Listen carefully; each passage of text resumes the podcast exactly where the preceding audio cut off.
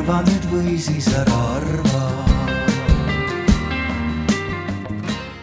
tere päevast ja rõõm on siin äh, palju rahvast näha Rohetiigri arutelul. Äh, me läheme mõnevõrra nüüd abstraktsemaks võrreldes eelmise aruteluga, mis oli väga kogukonna ja kohaliku omavalitsuse keskne nüüd me räägime äh, võib-olla natukene ka lindude keeles, nii et, et vabandame selle pärast siis juba ette ka võib-olla sellised äh, kodukorda puudutavad teadaanded, et kõigepealt ähm, äh, seda, et me nagu ei vaidle kliimateadlastega, eks, et, et ärme hakka seda kliimateadlast, kas on inimtekkeline ja kui palju ja, ja nii edasi, et me seda teadlastega vaidlemist tegema ei hakka ja üritame olla optimistlikud ja leida siis lahendusi, võttes, võttes võib-olla selliseks baaseelduseks viimase Euroopa Liidu rohekokkuleppe ja noh, need ettepanekud, mis sellest on, on, on ka tulemas.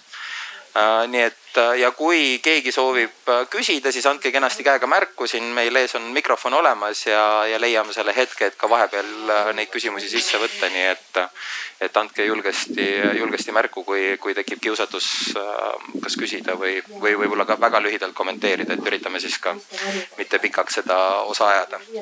ja kunagi, kui ma pidin eesistumist tegema, siis meie üks esimesi koolitusi oli selline, et eestlastele tuleb ikka õpetada tere ütlema ja siis ka tutvustama ennast, et muidu eestlased armastavad kohe asja juurde minna ja kohe hakata kliimaneutraalsusest rääkima, et teeks ühe tutvustusringi ka. mina olen Glen Jäärats, Riigikantselei Euroopa Liidu asjade direktor.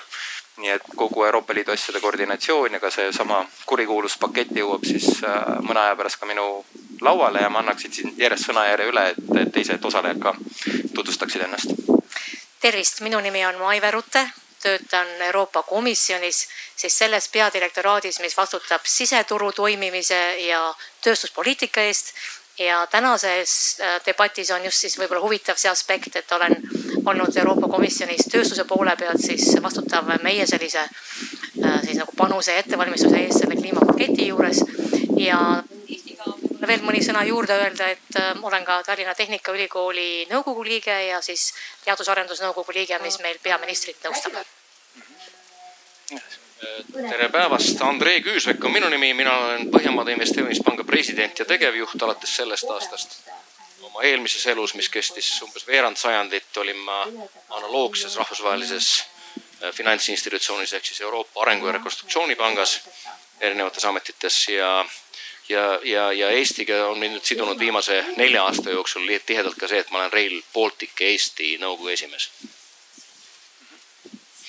Äh, minu nimi on Kai Realo, mina olen äh, võib-olla selles mõttes käegakatsutavas valdkonnas äh, täna veel Circle K Eesti peadirektor. nädala aja pärast alustan uues rollis, olen Ragn-Sells Eesti juhatuse esimees aga lisaks siis nendele kahele sellisele väga praktilisele väljundile on mul ka mm, hetkel kanda Tööandjate Keskliidu volikogu juhi roll, nii et äh, mina siin tänases paneelis ilmselt esindan äh, ettevõtjaid ja ettevõtlust. tere, mina olen Andres Sutt, ettevõtlus ja IT-minister. enne poliitikasse tulekut aastal kaks tuhat kaheksateist olin siis äh, mõnda aega energeetikas, Eesti Energias, vastutasin klienditeenuste, IT ja regulaatorsuhete eest. Äh, siis olen kahel korral esindanud Eestit IMF-is Washingtonis kokku viis aastat. viis aastat olin ka Luksemburgis Euroopa stabiilsusmehhanismis, kus oli tööülesandeks euroala võlakriisi lahendamine ja enne seda päris pikalt Eesti Pangas, viimati siis asepresident lõpetasin seal kaks tuhat üheksa, nii et ma olen ka ligi veerand sajandit äh, olnud moel või teisel finantsmaailmaga seotud mm. -hmm aitäh ja üritame siis muidugi mitte, mitte oma ainult olemasolevast, eks ole, positsioonist lähtudes rääkida, vaid hoida ikkagi nagu arutelu sellest, et me pärast ei pea ilmtingimata vastutama oma kas nõukogu või juhatuse või siis ka minister võib-olla riigikogu ees kolma, kolmapäeval, et, et mis parasjagu mis parasjagu on öeldud, vaid tuua seda kogemust ka sisse, et ma oletan, et, et sinu, sinu praegusel kolleegil regulaatorsuhete juhina Eesti Energias võib olla üsna toimekas aeg, arvestades seda kliimapaketti. aga lähekski võib-olla kõigepealt sellise sissejuhatava jutu juurde, et noh, meil on aeg seal aruteluks, eks ole, kuidas jõuda kliimaneutraalsuseni aastaks kaks tuhat viiskümmend ja mis see rohelepe üldse nagu laias laastus on, on kolmkümmend aastat ja Eesti Vabariik sai just ka või on saamas kohe-kohe oma iseseisvuse taastamisega kolmkümmend aastat, nii et umbes sama pikk periood. ja me kõik saame lehtedest kenasti lugeda seda, et milliseid murrangulisi otsuseid on, on tehtud ja kuidas justkui nagu reformiväsimus on peale tulnud võrreldes siis kõigi nendega, kes riigis raha või, või piiri või kaitseväge või mida iganes looma pidid. ja, ja alustadagi äkki sellest, et, et mis see rohepööre teie mõttes on, et kuidas te seda nagu näete ja kas te teate üldse, mis mis on roheline? me räägime küll kogu aeg rohepöördest, aga mis see roheline on?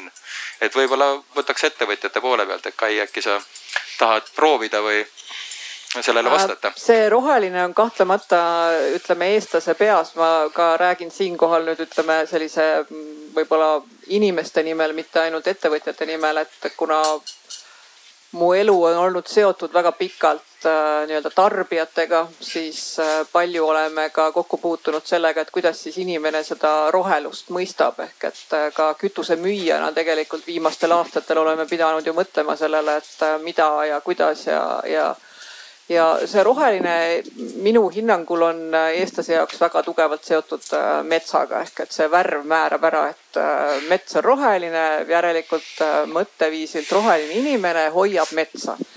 Et, et selles mõttes sealt nüüd teha seda järgmist läbimurret ja tegelikult hakata mõtlema, et mis see kliima, mis see kliima nii-öelda mis on minu kui lihtsa inimese panus sellesse kliimapöördesse või, või et kuidas ma saan oma seda tänast käitumist muuta, ma arvan, et sinna on päris palju maad minna, sest et äh, see kõik, mida me üritame saada, on ju see, et, et me tarbiksime vähem ehk et ettevõtjatena meil on äh, väga selge, et äh, meil on keeruline seda esimest sammu astuda, sest et senikaua kui on nõudlust, siis kapitalismi nagu põhireegel on see, et senikaua kui on nõudlust, senikaua meil on pakkumist ja siit me tuleme.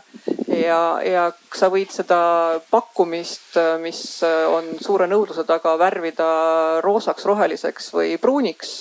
kokkuvõttes tootmine iseenesest mastaapselt ei, ei saa kunagi olla väga-väga-väga keskkonnasõbralik ehk et ma arvan, et kõige suurem dilemma seisab ees selles, et kuidas ikkagi sellise nii-öelda ületarbimise nagu lõksust välja tulla ja, ja kes selle esimese sammu astub, vot see on äh, ettevõtjate jaoks selline suur küsimus, et kas kaob ennem ära tootmine või nõudlus selge, aga läheks siit võib-olla edasi ja Andrei, et äh, ja minister võib-olla siis saab lõpuks ähm, meile öelda ka seda, et kas tegelikult on selline ka investeerimise mõttes ette antud selline raamistik, mis ütleb, mis on roheline, et, et me kõik, ma usun, oma isiklikus elus seda tajume ja oma isiklikku käitumist, ma usun, et ka selleni me jõuame äh, arutelu lõpuks, aga, aga üritame sinna investeeringute poole just nagu minna ja ka võib-olla siis Andrei, et, et mis mis, mis ütleme Põhjamaade Investeerimispanga ja, ja võib-olla ka Rail Balticu vaates on roheline, et äh, on see juba selge?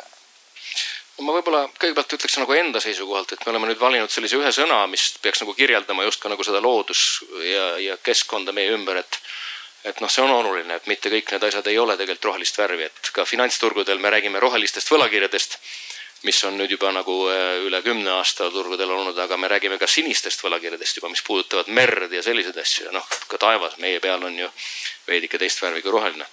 aga tulles tagasi Põhjamaade Investeerimispanga juurde, siis, äh, siis institutsioonina äh, noh, me nagu arvame, et me oleme nagu pioneerid olnud sellel, et tegelikult ütleme siis nendest teistest pangandussektori esindajatest, ükskõik kas kommertspangad või ka rahvusvahelised finantsorganisatsioonid, me olime nagu esimene, kes kes pani sellise keskkonnakaitse endal nagu üheks mandaadi äh, oluliseks sambaks.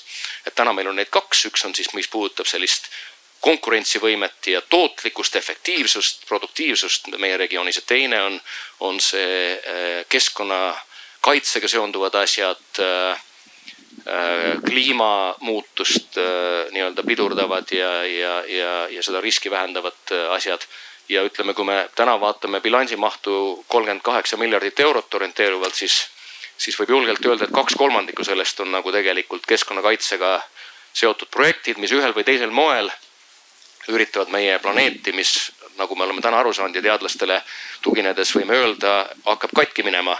et, et me üritame seda protsessi nagu siis äh, nagu vastukaalu hoida, et, et panna raha sinna mis, mis pidurdab seda katkimineku protsessi ja, ja võib-olla ka sinna, kus on nagu parandamise protsess juba. no kui me paneme selle ühiskondliku muutuse konteksti, siis äh, kas see kolmkümmend aastat on nagu võrreldav, see, mida Euroopa Komisjon, ma vaatan siin nüüd Maiva otsa, planeerib, sul on olemas eestlasena kogemus, eks ole, sellest kõigest möödunust. ja kas see, kas see võrdlus nagu kannab äh, muutuse mõttes või äh,, või, või pigem peaksime mõtlema sellest kuidagi teistmoodi? Soovib minu, minule nüüd jutu otsa tuua, mul jäi mulje, et vahepeal minister tahtis ka juba midagi öelda, aga ma siis võtaks võib-olla jutujärje üle ja tegelikult hakkaks kinni sellest küsimusest, mis see roheline on ja mis see rohepööre on. ja tahaks proovida seda niimoodi maakeeli, mitte lindude keeli siis ära seletada. minu arvates, kui vaadata seda praegust kliimapaketti, mis siis Euroopa Komisjon on lauale pannud, on põhimõtteliselt neli suurt asja. esimene neist on see, et nagu me teame maailm küpseb aeglasel tulel ja järjest keeratakse nagu seda hagu peale. esimene teema on see, kuidas seda kasvuhooneefekti vähendada, kuidas neid äh, emissioone, mis siis lähevad ühel ja teisel moel ja meie kliimat järjest siis üle, ülespoole kütavad, kuidas neid vähendada, see on esimene temaatika, ma pärast ütlen ka mõne asja juurde, mis seal sees siis on. teine temaatika on selles, et nagu me ka sellest viimasest raportist loeme enam me ei vaata seda muutust, et noh, kuskil kunagi hakkab tulema, me juba elame kliimamuutuste sees. mis tähendab, et teine suur teema on, kuidas seda juba atmosfääri saadetud süsinikku tagasi siis võtta, kuidas seda siduda, kuidas seda vähendada. kolmas suur teema puudutab seda, et meie tänane majandusmudel on ressursse raiskav me ei kasuta neid piisavalt efektiivselt, meil ei ole piisavalt äh, taaskasutust ja ringmajandust. ehk et kolmas suur temaatika on siis selline taaskasutus, ressursi efektiivsus äh, ja kõik, mis sellega seondub. ja ka neljas suur temaatika on see, et Euroopa Liit, kuigi me oleme maailma mõttes väga suur ja rikas turg, me oleme siiski ainult osake maailmast ja täna, kui me vaatame meie osakaalu maailma ütleme globaalses äh, siis äh, süsiniku heites me oleme seal kuskil kaheksa protsendi ringis vist või.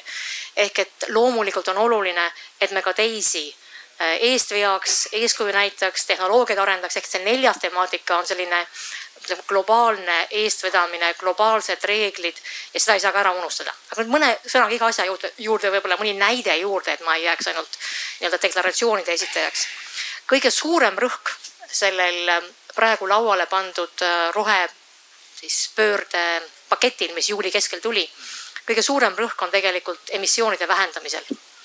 ja ma tahaks eriti rõhutada, et me küll palju räägime energiapöördest, mis on Eestis muidugi väga oluline, sest Eesti emissioonidest valdav enamus tuleb meie äh, elektri tootmisest, meie energiasektorist. ehk et Eesti mõttes jah, energia tootmine on kahtlemata väga kriitilise tähtsusega, aga see ei ole sugugi ainuke. ja üks sõnumeid, mis ma loodan, et täna ka niimoodi ähm, laiale ringile kaasa tahaks anda ja, ja vast meelde jääb, on see, et kõik sektorid, kõik majandusharud peavad tegelikult selle kliimaneutraalsuse poole püüdlemisele kaasa aitama. ehk et see ei ole ainult elektri tootmise teema. ja kui vaadata, mis siis nüüd juulikuus ähm, selles paketis lauale pandi, siis on siin ähm, muudatused, mis puudutavad äh, hooneid, muudatused, mis puudutavad põllumajandust, metsandust, transporti, lennundust, merendust. see haarab kõiki sektoreid, kõik peavad oma panuse andma, et heit äh, siis äh, gaase ja süsinikuheidet oleks vähem. ja need on nüüd erineval moel, kuidas sinna siis jõuda, on erinevad regulatsioonid, pannakse kvoote ja tulla tagasi selle juurde, mis ütles meile ettevõtjate esindaja, et nõudlus ja pakkumine, siis kõige võib-olla selline kõige olulisemad, ütleme, võimalused selle turu suunamiseks tulevad läbi süsiniku hinna. ehk et kõikidele heit, heitmetele pannakse süsiniku hind külge. komisjon on loonud siis ka sellised äh, süsteemid, millega see süsiniku hind läheb ajapikku kallimaks. ehk et järjest kallim on toota äh, selliseid, no ütleme tooteid või müüa siis, ma ei tea, fossiilkütuseid ähm, kuna süsiniku hind, mis seal sisaldub, läheb kallimaks. ehk et on huvi ka majanduslikus mõttes olla järjest efektiivsem, süsiniku nii-öelda jalajälge vähendada. jah, seal on lisaks ka siis taastuvenergia eesmärgid ja nii edasi, seal on tegelikult terve rida äh, siis hoonete efektiivsuse ja kõikvõimalikke selliseid eesmärke ja loomulikult ka siis äh, transpordi osas äh, elektrifitseerimine, tööstuse osas protsesside elektrifitseerimine. kõik, mis aitab nagu sellist põlemisega kaasnevat heidet, heidet vähendada teine temaatika, nagu ütlesin, puudutas siis nüüd süsiniku sidumist ja see on Eestile suhteliselt keeruline teema. võib-olla selline lihtsamini mõistetav on, et istutame metsa, mets kasvab ja seob siis õhust ka seda süsinikku. see on meile, ma arvan, selline hea positiivne stsenaarium. aga on ka keerulisemaid teemasid, näiteks meie paljud lahtised turbaväljad, ma ei tea, turbamuldades tootmine, kõik need tegelikult ka emiteerivad, et seal, seal on ka terve rida asju, mis tuleb veel ähm, läbi mõelda ja lahendused leida. kolmandana ressursitemaatika, ma arvan, sellest võiksime pärast veel niimoodi võib-olla eraldi rääkida. Eesti on täna üks neist, kus äh, süsiniku jalajälg inimese kohta on OECD riikidest praktiliselt kõige kõrgem või noh, kõrgemate hulgas. ja samamoodi on ka meie selline ressursikasutus siis meie loodud lisandväärtuse kohta väga kõrge. ehk et me ei ole efektiivsed ja meie lisandväärtus kõige selle toorme ja siis sisendmaterjali kohta, mis me kasutame äh,, ei ole piisav. siin on nagu ka jällegi arengukohti. ja neljas teema, nagu ütlesin, on see, kuidas ülejäänud maailm kaasa tuleks. ja et me ei saa olla nagu ainult selline kuidagi saar siis ülejäänud siis ookeanis, mis läheb oma rada selles osas pani komisjon välja siis ettepaneku teha piiridel selline nagu süsinikumeede. et eriti need sektorid, mille jalajälg on väga kõrge, nagu näiteks väetised, äh, teras, ähm, üldse rauatooted, äh, samuti alumiinium, et nende importimisel Euroopasse tuleb siis selles riigis, äh, kes neid siis toodab, hakata selle heitme eest siis meil nii-öelda piiridel maksma. täpsemad kõik regulatsioonid on alles koostamisel ja loomulikult on siin liikmesriikidel, Eesti sealhulgas veel suur roll kõiki neid detaile läbi rääkida, mis täpselt, kui palju. aga oluline, ma arvan, on neli printsiipi, nagu ma esitasin, et, et need kõik selle rohepöörde tegelikult moodustavad ja ükski sektor ei jää puutumata ja aitäh, Maive ja me jõuame kindlasti nendest äh, asjadest siin rääkida ka, et see kliimamuutuste ettepanek, mis äh, juulikuus tuli, on küll, on küll terviklik, aga eks see rohelise leppe äh, ettepanekute hulgas on muidugi ka kogu jäätmemajandus ja nii edasi, et siit tuleb väga-väga äh, palju ettepanekuid, et see ei ole kindlasti ainukene osa, mis, äh, mis, mis puudutatud saab, et see puudutab just äh, CO2 emissioone ja, ja kindlasti on nagu läbivalt oluline kogu selle teema juures ja kindlasti energia hind on ju tootmises üks kindlasti oluline sisend, nii et ta leiab kindlasti kohe kajastust kõiges muus ka. aga võib-olla siis minister, et mis on selline või noh, Andres, me jäime kõik siin tegelikult nagu eesnime peale, aga keegi on nagu minister nimena, nii et, et kuidagi on, on, on juurdunud nagu Saksamaal professor on nime osa riigi, riigi, riigi andmetes. aga mis see nagu, kui sa kohtud ka nagu valijatega ja üritad rohepööret äh, selgitada ja mis on roheline ja noh, laias laastus, mis on siis õige käitumine tulevikus, et kas ma nagu tean, et kui ma seda teen me nüüd nagu justkui teame seda, et, et see, mida me metsast arvasime, möödunud kliimapakett võib-olla on nüüd üsna pea peale pöördunud, see nagu arusaamine selle kümne aasta õppetunniga, et kuidas me süsinikku seome, nagu Maive ütles, ja süsinikku ringlusesse laseme. Aga et ütleme sellises lihtsas kontekstis, kas on, kas on võrreldav muutuse suuruse mõttes, mida me nagu ootame järgmiselt kolmekümnelt aastalt siis nagu sellega, kus me nüüd võib-olla jõudnud oleme ja ütle ikka Andres, et siis on niisugune lihtsam neid asju siin toimetada. et äh, ma alustan sellest, et mis rohepööre minu jaoks tähendab ja kaks hästi lihtsat asja. esimene on see, et äh, on austus looduse ja meid ümbritseva keskkonna vastu. Sest noh, me ilma selleta, äh, et see looduslik ökosüsteem säilib ja toimib, noh, me siin planeedil Maa, eks ole, elamisväärset elu elada ei saa ja see minu jaoks äh, tähendab ka teist. ja see teine on äh, vastutus järgmiste või järgnevate põlvkondade ees. et kõik need, kes täna on otsustamise juures, noh, tegelikult vastutavad. vastutavad selle eest, millise planeedi, millise riigi, millise kogukonna me nagu anname üle järgmistele põlvedele. Nüüd, kui sa küsid seda, et mida erinevad siis valijad või ettevõtjad arvavad, et, et, et ma võib-olla korra teeks siukse, zoom'iks välja. Ja kui sa küsisid, et kas tegemist on millegagi, mis on nagu suur ja murranguline, siis minu hinnangul on. et me ei räägi antud juhul mingist järk-järgulisest muutusest, et me teeme, ma ei tea, sisepõlemismootori veel efektiivsemaks saja liitri, saja kilomeetri peale võtab ta, ma ei tea, viie liitri asemel, eks ole, neli koma kaheksa või, või kolm koma üheksa või, või noh, nagu palju muid asju või mis kütust me kasutame. tegemist on kindlasti murrangulise innovatsiooniga. Ja, ja see murdepunkt on toimunud. et selles mõttes ma arvan, on suhteliselt äh, kasutu arutleda selle üle, kas, kas ja mida me nüüd peame tegema, et, et minu silmis on küsimus ainult tempos küsimus selles, kummale poole lauda me ennast asetame ja ma arvan, me oleme ennast asetanud selgelt nagu õigele poole lauda. ja, ja kui ma vaatan, noh, minu jaoks on ka see kolmik, et, me ei räägi ainult rohepöördest, me räägime samamoodi digitaliseerimisest ja me räägime samamoodi innovatsioonist. kui me ei tee neid kõiki kolme asja koos, siis see kolmnurk lihtsalt ei püsi ja, ja me ei saavuta tulemusi. et miks ma väidan, et see murdepunkt on ammu toi, toimunud lihtsalt mõned näited. Apple aastaks kaks tuhat kolmkümmend äh, süsinikuneutraalsus. Siemens samamoodi, Airbus aastaks kaks tuhat kolmkümmend viis kolm erinevat äh, valikut, äh, kuidas saavutada süsinikuneutraalne siis lennuk. tuleme nüüd, zoom ime natuke sisse. neljapäeval käisin ettevõttes nimega e-Beam. küsisin, kuidas on teie kliimaeesmärkidega ja nad ütlesid, et nad mõõdavad alates äh, siis äh, lehmast, äh, kes seda piima toodab, kuni siis lõpptoodanguni, mis läheb poeletti või, või kliendini. asendavad oma siis transpordivahendites, lähevad üle biometaanile, kordades efektiivsem. kõik liigub rääkisin samal, äh, samal päeval äh, ühe väikeettevõtjaga, kes äh, oli ka väga keskkonnateadlik. ütles, et see on nagu oluline ja ainuke, mis sealt tuli, et tahaks nõu, tahaks nõustamist, et kuidas mõõta, mida teha korra hüppan oma siis selle eelmisesse karjääri tagasi, ütleme siis energeetikaeelsesse karjääri ja minu jaoks on see energi.... karjääri, mitte kaevandusse. no ja, ja selles mõttes jah. maapealsesse. maapealsesse karjääri. -hmm. just, et kui me vaatame seda, äh, milline on, kuidas on muutunud finantssektori regulatsioon.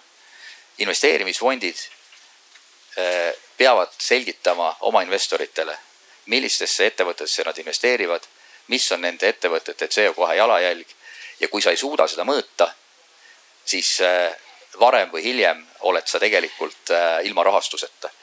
Äh, ja kui ma vaatasin seda äh, statistikat, kaks näidet ja siis ma lõpetan. MKM tellis ise Eesti eksportivate ettevõtete uuringu selle aasta kevadel ja sealt tuli minu jaoks kaks olulist järeldust. ainult kolmandik eksportivatest ettevõtetest nägi digitaliseerimises oma konkurentsieelist ehk kaks kolmandikku ei näinud või noh, ütleme siis võib ka optimistlikult vaadata ja öelda, et neil oli see juba tehtud. Äh, aga ma arvan, et, äh, et, et nii optimistlik vaade tõenäoliselt ei, ei, ei ole tõene. Äh, ja, ja teine, ainult viiendikul ettevõtetest oli selge või selgem tegevuskava, kuidas nad saavutavad CO2 neutraalsuse ja, ja, ja ka millal, mis aastaks nad seda teevad. võrdlesin EIB uuringus Soomet, Eestit Äh, Soomes on äh, viiekümnel protsendil ettevõtetest äh, selline kava olemas, noh, selle järgi oli Eesti ettevõtetest umbes seitsmendik. aga minu silmis tegelikult kõige olulisem siis mõjutaja kogu selles mänguväljal on tarbija. see järgmine põlvkond, kes tuleb peale, kes nõuab ja mille järgi joonduvad ettevõtted, joonduvad teenusepakkujad ja noh, tegelikult regulatsioon aitab finantssektori regulatsioon ka aitab, aga ma arvan, et päeva lõpuks kõige mõjusam on tarbija. nii, nüüd ma rääkisin võib-olla liiga pikalt, jään vait. ja me jõuame neist teemadest kindlasti siin ähm, korduvalt puudutada, et kas see muutus peaks olema pigem tarbija poolel, mis siis tähendab, et minister Andres, sina äh, käid ja veenad meid kõiki ükshaaval tegema ja elama teistmoodi. Või me teeme seda tööstuse poolel ja paneme seda süsiniku hinna või mingi muu kaudu ja kus see suurem muutus on saavutatav, et loomulikult keegi tarbib ja kasutab neid teenuseid ja tooteid, mida me, mida me toodame, aga ma nägin, et Andrei tahtis juba kommenteerida. Ma jah, kuulasin seda Andrese juttu ja tegelikult see, et see, see murrang, see nii-öelda see selline suur äh, maalihe on nagu ära tegelikult toimunud ja sellest on väga hästi aru saadud, et, et ma olen väga nõus sellega, et ettevõtetele Äh, on see nagu kiiresti kohale jõudnud, et, et see kõik hakkab kaja, kajastuma hinnas, eks ju, et noh, et raha on selline asi, mis öö, äh, oma heade ja halbade külgedega lõppkokkuvõttes ikkagi on, võimaldab meil paljusid asju mõõta. ja, ja, ja sellest on nagu ettevõtted aru saanud, ka need, kes, kes nii-öelda saastavad. näiteks juunikuus ma, ma käisin Taanis kohtusin seal mitmete ettevõtetega, muuhulgas kõige suurema saastajaga Taanis, kõige rohkem süsinikuemissiooni teeb seal Aalborg Tsement ehk siis tsemendifabrik suur, eks ju. Maerski, Maerski, Maerski emissioonid sisalduvad teiste riikide. see võib, see võib tõepoolest ka nii olla. Maersk, mis veab globaliseerumist, suudab üsna palju. noh, seal on igast muid nii-öelda erinevaid sektoreid koos, eks ju, et, et, et nendel on võib-olla see risk on mõnevõrra rohkem äh, nagu maandatud, aga, aga noh, fakt on see, et, et ettevõtted, ettevõtted tegelikult mõtlevad nagu noh, väga, nad üritavad ikka väga tõsiselt ja väga pikalt sellele ette mõelda, et, et sellesama Allborg Cemendi kontorisse minnes nii-öelda esimene asi, mis sa nagu ooteruumis nagu laual näed, on sustainability report on ju, ehk siis, ehk siis jätkusuutlikkuse keskkonnakaitse report, raport ja nad saavad väga hästi aru et, et kogu majandusmudel ja see ei puudutanud mitte ainult tsemenditööstust või isegi mitte üldse ainult tööstust, vaid energeetikat, transporti, noh praktiliselt üle terve selle nii-öelda spektrumi. Et need majandusmudeli ja kasumlikkuse mudelid noh muutuvad ikka kardinaalselt. ja, ja, ja noh, see on nagu väga oluline, et, et see ei, ei peagi nii-öelda meil, me ei pea igaühte indiviidi nagu eraldi veenma, et, et seesama produkt, mis te ostate või see teenus, see on selle hinda juba sisse arvestatud ja sealtkaudu ka siis nii-öelda jõuab see nagu kohale varem või hiljem rahakotti ja no tehnoloogial on, eks ole, ajapikku omadus muutuda järjest odavamaks, mida rohkem laiemalt kasutusse tuleb, et seda meeldivamaks selle, et praegusel hetkel vesinikuauto ostmine ilmselt on kõigil meil, meilgi üle jõu, nii et, et aga kui me kõik ostame, siis loomulikult on ta tunduvalt odavam. see on see teine positiivne efekt, et, et seesama äh, hinnamuutus tegelikult ta motiveerib ettevõtteid insenere, teadlasi tulema välja nagu lahendustega selle probleemile. Glen, kas ma tohin kiire repliigi teha, lihtsalt sa ütlesid, et see vesinikuauto ostmine käib üle jõu ja mul kogu aeg jookseb see ikka siis juhe kokku. et äh, ja jookseb kokku väga, väga lihtsalt. jõudsimegi sinna. jah, täpselt, jookseb väga, jookseb kokku väga lihtsal põhjusel. et mida me tarbijatena äh, tihti võrdleme, on see, palju on äh, selle auto letihind. aga see ei ole õige võrdlus mm. -hmm. võrrelda tuleb seda, mis on selle auto kasutamistulu, kulu üle elutsükli. Ja, ja seal on nagu väga selge, et eh, kui sa tasandad selle kuumaksete peale, sa ei pea seda autot välja ostma, sa võid teda rentida, teha mida iganes. et, et siis me võib-olla juba praegu, aga kohe-kohe oleme seal punktis, kus tegelikult eh, elektri või vesiniku eh, sõiduk on, on tegelikult üle elutsükli odavam, aga Kai võib-olla vaidleb mulle vastu või kor-, või täp-, või korrigeerib Äh, ma olen nõus selles mõttes, et inimene kipub ikkagi vaatama seda hetke nii-öelda ostu suurust ja seda raha, mida tal sellel hetkel tuleks nagu välja käia teoorias. ja ei mõtle teinekord nendele nii-öelda peidetud äh, kuludele, mis ilmnevad siis äh, selle toote tarbimise käigus. aga, aga minnes nende vesinikuautode juurde või isegi käegakatsutavamate nii-öelda elektriautode juurde, mis tegelikult on ikkagi nagu täitsa juba ka kohal et kui keegi veel arvab, et ta arutab selle üle, et millega me järgmisena nagu sõitma hakkame, siis ma võin öelda, et vähemalt järgmine auto, mida keskmine inimene kasutama hakkab, on elektriauto, sest selle otsuse on meie eest ära langetanud juba tegelikult nagu autode tootjad. Ja me võime siin endale ette kujutada, et me sõidame, ma ei tea, gaasiga või, või, või vesinikuga, siis paratamatult vähemalt vaheetapp on, on raudselt elektriautod küll aga on küsimus, et miks tarbija võib-olla on täna veel lisaks sellele legendile, et see on väga kallis, äh, ettevaatlik on see, et, et äh, teadupärast ikkagi vaatamata sellele, et selle elektriauto või siis vesinikuauto nii-öelda see tehnoloogia ja energia on natuke teistsugune, siis seda ikkagi peab mingil hetkel kas laadima või, või täitma või tankima või nimetame seda, kuidas me tahame siis küsimus on alati inimeste peas see, et, et kumb on enne, kas muna või kana, eks ju, et kumb on enne, kas on kogu Eestit kattev, ma ei tea, tanklate võrgustik, eks ju, mida Eestis ilmselgelt on keskmist autode arvu vaadates täna tanklaid on kahtlemata liiga palju, ehk et see on täiesti ebaefektiivne äri, kui seda nagu ka analüüsida aga, aga küsimus on see, et, et kas selle uue tehnoloogia, uue energia tarbimiseks see võrgustik tuleb enne, kui tulevad need äh, autod ja see on lõpmatu arutelu. ja kui isegi siin osaleda nendes aruteludes, siis on see väide olnud, et anname selle erasektorile, küll nad siis ühel hetkel tekivad. jah, ma olen nõus, et äh, Tallinna kesklinnas äh, suurtes liiklussõlmpunktides, maantee ääres, peamistel maanteedel kindlasti need erakapitalil baseeruvad äh, laadimis või, või tankimispunktid tekivad.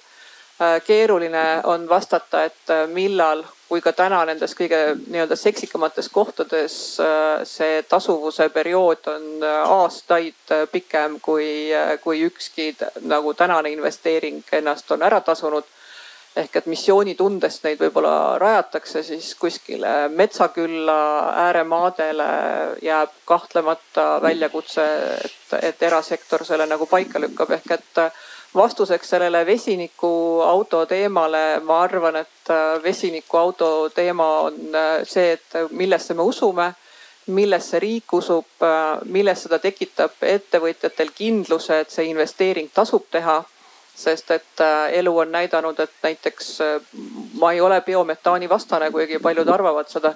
ma arvan, et see on äh, täiesti mõistlik asi, mida, mida, mida kasutada, kui me seda ise toota suudame, et see on ülimõistlik.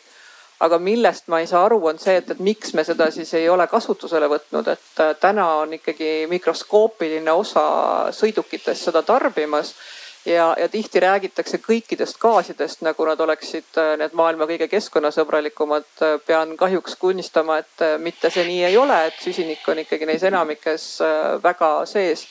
ehk et kõik ei ole roheline, mis on gaas ja, ja, ja see jätkusuutlikkus ehk et selle tehnoloogia laiendatavus ja jätkusuutlikkus ehk et seda tõesti saab kasutusele võtta, seda võetakse kasutusele selleks on vaja teatuid mehhanisme ka riigi poolt ja, ja võib-olla siis äh, nii nende regulatsioonide näol kui ka rahastamise näol.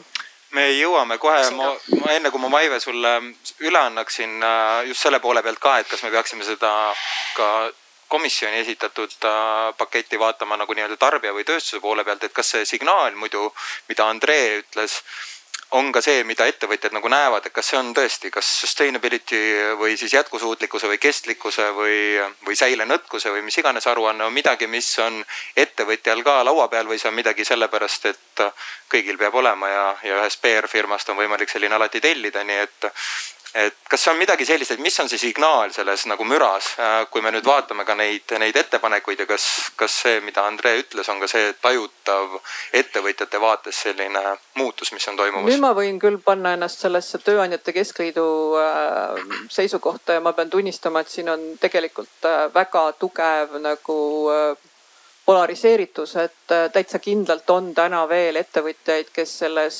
rohepöördes kahtlevad ma arvan, et nad on saanud ka väga vale signaali, et, et on olnud ka peaminister, kes konkreetselt tuli lihtsalt tööandjate juurde ja ütles, et äh, rohepööre tuleb, kellelgi tuleb see jama kinni maksta ja me arvame, et selle jama võiksid kinni maksta tööandjad. ja noh, ei ole kõige mõistlikum algatus, et, et kindlasti on neid, kes kardavad oma konkurentsivõime vähenemist, kuigi noh, tegelikult ütleme, et kui sa ikkagi tegutsed Euroopa turul, siis see ju, mis meid tabab, tabab meid kõikides äh, riikides, aga endiselt kardetakse just seda, et, et need investeeringud sellesse uude tehnoloogiasse ei pruugi ennast ära tasuda, ära tasuda tänaste omanike eluajal ja, ja nii edasi, mis tähendab, et selline skeptitsism on olemas aga, aga kindlasti on neid ettevõtteid, ennekõike neid esindavad siis väga edumeelsed Eesti ettevõtjad või siis ka rahvusvahelised ettevõtjad, kes tegelikult täna elavad juba selles reaalsuses, kellel ei ole see enam nagu küsimus, et kas ma teen või mida ma teen, vaid et, et tegelikult on küsimus selles, et kui kiiresti ma selle suudan ellu viia, mida ma näen, et on vaja selleks jätkusuutlikuks sammuks see, see, see signaal, kui ta ei jõua kohale läbi valitsuse teadaannete või läbi meedia, siis ta jõuab kohale pankadest kõigi nende ettevõteteni. selleni me veel jõuame, et mis siis nagu muutub äh, tulevikus ja kuna meie kuulajate hulgas, loodetavasti selle salvestise kuulajate hulgas on ka kindlasti palju ettevõtteid, äh, siis just, et noh, mis siis juhtub, kui te oma järgmise laenutaotlusega pöördute panka ja, ja, ja kuidas see nagu ka selles vaates olema saab, aga, aga võib-olla Maive. et, et kui sa kuulad, kas me teeme selle ära siis tarbijate poole peal, lähme ja veename kõik ükshaaval ära, et rohepööre on vajalik. või me lähme nagu suurtööstuse poole peale, üritame süsiniku hinna kaudu selle, selle muutuse nagu tekitada, et see on üsna suur valikute küsimus, ma arvan, et midagi, mida Euroopa Komisjon seda ettepanekut tehes pidi valima ja kindlasti, ma kasutan ka oma eelmist mütsi natukene okay., kus ma teatavasti olin ka mõnda aega äh, Eesti Pangas ka samuti asepresidendi töö, töö rollis ja võib-olla üks oluline infokild sellest ajast ongi, et ka keskpangad, kes teatavasti tegelevad ju pangandusjärelevalve ja kogu sellise, ütleme suure maastiku kujundamisega, on kliimaneutraalsuse teema võtnud selgelt lauale. ja nagu Andrei siin ütles, on selliseid rahvusvahelisi pankasid nagu EBRD ja täna siis ka Põhjamaade Investeerimispank, mis on väga selgelt juba liikunud selles, ütleme siis suunas ja kellel on oma reeglid olemas. aga samamoodi ka keskpankadele kehtiv reeglistik on muutumas. ehk et juba mõne aasta pärast võib seda täiesti no nii-öelda kindlalt oodata, et äh, sellised äh, fossiilkütustel põhinevad ärid, nende finantseerimine läheb raskemaks, võib-olla päris keeruliseks ja need, mis lähevad õiges suunas, siis nii-öelda rohepöördega kooskõlas olevas suunas, nende finantseerimise vahendeid järjest suurenevad. terve maailm praegu otsib neid äh, rohevõlakirju ja, ja selliseid, selliseid nagu investeeringukohti, mis toetavad seda uut majandust. ehk et mu sõnum ettevõtjatele on see, et äh, täna on juba natukene oht rongist maha jääda mitte ei tuleks enam kuidagi istuda ja kahelda siin, et noh, kas ikka juhtub, vaid peaks vaatama, et ülejäänud lähevad väga kiiresti juba eest ära.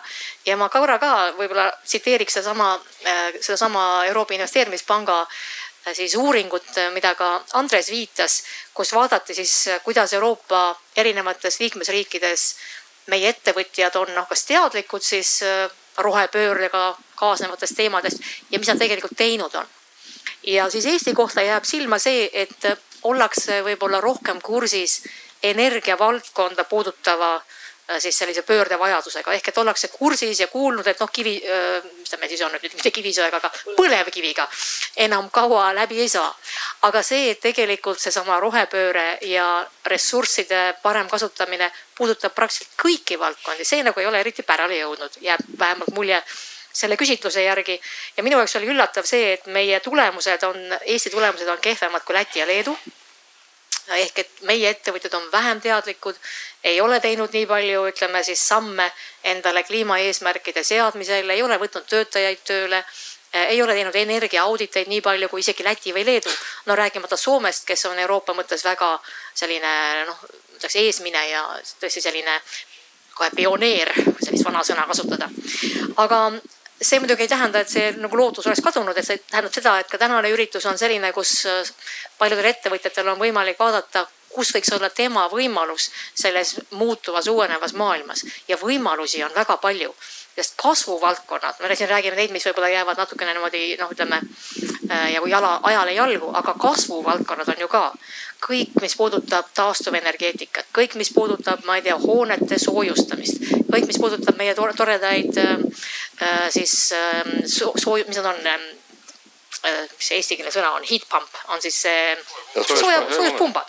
siis kõik, mis puudutab ähm, selliseid salvestustehnoloogiaid, küll elektriautodest me juba otsapidi rääkisime. meil on väga palju valdkondi, mis on selgelt kasvamas ja sinna, sinna muidugi panustades saab ju oma ettevõtet ka kasvatada. aga ma ei saa muidugi ka kinni võtmata jätta sellest äh, vesinikuauto teemast sest kui me räägime vesinikuautost, siis jääb mulje, et see kõik on kuidagi ka kaugel horisondi taga ja ei tea, millal tuleb ja mis ta maksab. aga elektriautod, nagu ka Kai ütleb, on tegelikult ju täna juba olemas ja nende pakkumine väga kiiresti laieneb. Ja mitte ainult pakkumine, vaid ka nende tehnilised omadused, nende sõiduomadused, nende laadimiskiirus. ma toon ainult kaks näidet. Mercedes, mis on noh, ütleme kallima hinnaklassi auto tuleb või on tulnud sel aastal juba turule autoga, mis sõidab seitsesada kilomeetrit ära ühe laadimisega. noh, ei ole väga paha, eks ju. ja kus on võimalik umbes veerand tunniga laadida kolmsada kilomeetrit. no veerand tundi, ma arvan, inimene peab vastu, et sõita kolmsada kilomeetrit ja panna õhtul see auto siis omal kodus näiteks laadima. ehk et ähm, kallima hinnaklassi poole peal on tulemas lisaks Teslale, keda me kõik ju teame, tegelikult ka Euroopast äh, korralikud äh, autod teine näide teisest otsast minu jaoks oli väga põnev. Hiina on teatavasti selline siis äh, eesrindlane just nende elektriautodega, kus on väga kiiresti läinud see turg hästi käima ja nemad on tulnud turule hiljaaegu ühe sellise miniautoga, mille hind on noh, ma ei tea, mingisugune alla viie tuhande euro vist või sinnakanti. vähem veel vist. vist vähem veel jah, nelja tuhande euro kanti, aga sõidab ja Hiinas oli kõige müüdavam auto äh, praegu põhimõtteliselt selline väike noh, linna, linnaauto tüüpi. ja huvitav oli siis see asjaolu, et meie sõbrad leedukad on äh, hiinlastega koostöös sedasama siis autot äh, toomas Euroopa turule. Nad hakkavad seda kokku panema Leedus ja noh, täna me selle hinda veel ei tea, aga Euroopas peaks siis saada olema selline miniauto, mille hinnaskaala, ma arvan, jääb kuskil võib-olla kaheksa tuhande euro kanti. ja millega saab ikka mingisugune sada viiskümmend kuni kakssada kilomeetrit sõita. ehk et see elektriautode pakkumus tuleb nii laial skaalal ja enam ta ei ole ainult selline luksuskaup, millega saab tegeleda noh, ainult väga kõrge palgaga inimene. juba täna-homme on seda võimalik tõesti ka igal perel soetada. Nii et ähm, ma arvan, et see pööre tuleb meile kiiremini, kui me täna võib-olla julgeme või oskame isegi arvata. No osaliselt võib seda pööret muidugi äh, numbriliselt ka väljendada, et me ei ole ühtegi numbrit siin, siin öelnud ja, ja seda arutelu ma usun, et me oleme Eestis kõik jälginud, kuidas keegi ei uskunud, et emissioonikaubanduse süsteem tööle hakkab ja kui ta siis korraga tööle hakkas, siis, siis osad ettevõtted, sealhulgas see kus Andres on töötanud, tunnevad seda juba väga valusalt ja ma siin kolleegi käest ka küsisin, et noh, mis on siis teatavad baaseeldused, et, et selleks ajaks ja noh, kui me siin kõik nagu ootasime seda, et, et umbes kakskümmend viis eurot tonn see süsiniku emissioon maksab, siis eile oli, ma saan aru, hind kuskil viiskümmend kuus, üleeile, vabandust, viiskümmend kuus ja ja see on keskmine, nii et noh, põhimõtteliselt me elame selles, kui see muidugi turg ei kõiguks nagu uuesti tagasi ühele või teisele poole.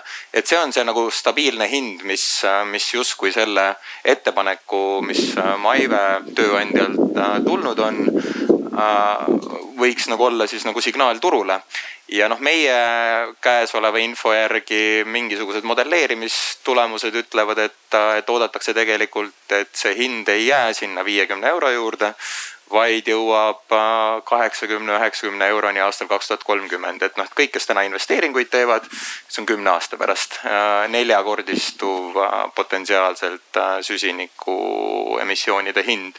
et see on see, mida komisjon on öelnud ja, ja mitte võib-olla siis nii palju panustanud sellele, et me ikkagi veename kõik kodanikud ära, vaid ikkagi, et see on signaal suurtööstusele, energiatootmisele ja üha rohkem sektoreid peaks sellesse Äh, sellesse süsteemi siis ka nagu lisanduma, nii et see ei puuduta enam ainult tulevikus suurenergeetikat ega tööstust, vaid see saab puudutama siis äh, üha rohkem valdkondi, sealhulgas eestlasele armastatud auto, sealhulgas eestlasele armastatud kodud ja ka toit äh, toidulaual, et see on tegelikult see, mis Euroopa Komisjon vähemalt on, on praegusel hetkel pakkunud, et Andres, kuidas me sellega hakkama saame? kuidas me hakkama saame? jah investe investeeringud ja innovatsioon, et äh, ma korra lihtsalt peegeldan tagasi selle tarbijate veenmise nurka, et, et ma arvan, tarbijaid ei ole vaja veenma, veenda, tarbijad on juba veendunud. et see oli nagu minu äh, sõnum, et, et need ei ole alternatiivid, et kas me veename tarbijaid või me teeme mingit regulatsiooni. noh, tarbija peas, eriti noorem põlvkond, on see otsus on juba tehtud, see valik on tehtud, selle üle ei ole mõtet arutleda. Äh, regulatsiooniga jah, me peamegi mingeid asju kiirendama ja toetama aga ma arvan, see noh, nagu fundamentaalne määraja on ikkagi see, et, et mida klient ostab ja ma toon lihtsalt eh, võib-olla, et me ei jääks ka liiga palju energeetika, autode, elektriautode ja muu selle keskseks. Eh, toon konkreetse näite. Siis nutitelefonid, tahvelarvutid, sülearvutid. Tartus on selline ettevõte, mille nimi on Foxway ettevõte, mis äh, on Tartu linnas tõenäoliselt kõige suurem tööandja, töötab äh, neli-viissada inimest, on kasvatanud oma käivet äh, kahekümnelt miljonilt saja kahekümnele nelja, nelja-viie aastaga. ja tegeleb millega? tegeleb nutifonide, tahvelarvurite ja sülearvutite siis taas korda tegemisega, taaskasutusse viimisega. ringmajandusettevõte, kõige suurem sihtturg on Prantsusmaa nende sisseost on globaalne ja lihtsalt jälle, kuna olen ettevõtet külastanud, natukene valgustatud, et, et miks need asjad töötavad. üks kolmandik inimestest vahetab oma nutitelefoni esimesel aastal. teine kolmandik vahetab selle teisel aastal, nad on kõik kasutuskõlblikud. väga palju noori inimesi ütleb, ma ei taha uut osta. ma tahan osta seda, mis on täiesti töökorras, mis on kasutatud. ehk see on nagu, ma arvan, see on nagu see mõtteviisi muutus äh, on nagu väga-väga tugevalt läbitud ja kui me võtame, lähme nüüd ajas tagasi natuke ja kui ole noh, et siin nagu mingi perspektiiv tekiks, eks iPhone'i esimene mudel tuli kaks tuhat seitse, viisteist aastat tagasi. kui viisteist aastat tagasi oleks keegi äh, küsinud teie käest, et, et mis te arvate, kas äh, nutitelefonist saab äh, noh, nagu kõige levinum tarkmees taskus. ma arvan, et väga vähe inimesi oleks seda öelnud. Veel vähem inimesi oleks, oleks öelnud, et äh, jah, et, et selle seadme mälumaht on, mõõdetakse gigabaitides aastal kaks tuhat seitse. noh, tõenäoliselt oleks vaadatud inimesele otsa, et, et no kus kohas sa elad, et, et kust sa tuled. ehk et me nagu ettepoole on meil nagu väga raske määratleda seda tempot, kui kiiresti asjad muutuvad ja kui me vaatame siis noh, ütleme, kui me räägime siin kahe tuhande kolmekümnendast, neljakümnendast aastast, et tegelikult on see juba homme, noh, kaks tuhat kolmkümmend on kindlasti homme. Mhm. kaks tuhat nelikümmend on võib-olla ülehomme. et äh, teeme siin sama, sama vestlust, tõenäoliselt on siis kas teised inimesed või samad inimesed kümne aasta pärast äh, ja noh, ma arvan, et me panime enamikes asjades mööda. Äh, ja et me olime liiga aeglased, liiga tagasihoidlikud ja, ja arvasime, et oi, et need asjad küll ei juhtu Mhm. okei okay,, ma olen enne ka eksinud, võib-olla eksin seekord ka, aga, aga noh, mul on nagu lihtsalt eh, noh, kõik need kontaktid ettevõtetega Eestis, vaadates noh, rääkides finantssektori esindajatega nii erapoole pealt globaalselt kui, eh, kui siis eh, arengupangad. et see rong sõidab nagu nii kiiresti ja, ja kuidas positsioneerivad ennast selles olukorras elektritootjad kui me, seda numbrit ma peast ei tea, aga ma näen, et siin on inimesi kindlasti auditooriumis, kes äkki ütlevad, et mitu äh, Äh, et mis on olnud installeeritud võimsus äh, sellel aastal äh, päikseparkidesse, see on kõige kiiremini kasvav energia tootmis siis valdkond Eestis. päiksepaneelide hinnad kümne aastaga tootmisskaalal või siis suuremahulistel on kukkunud kaheksakümmend protsenti.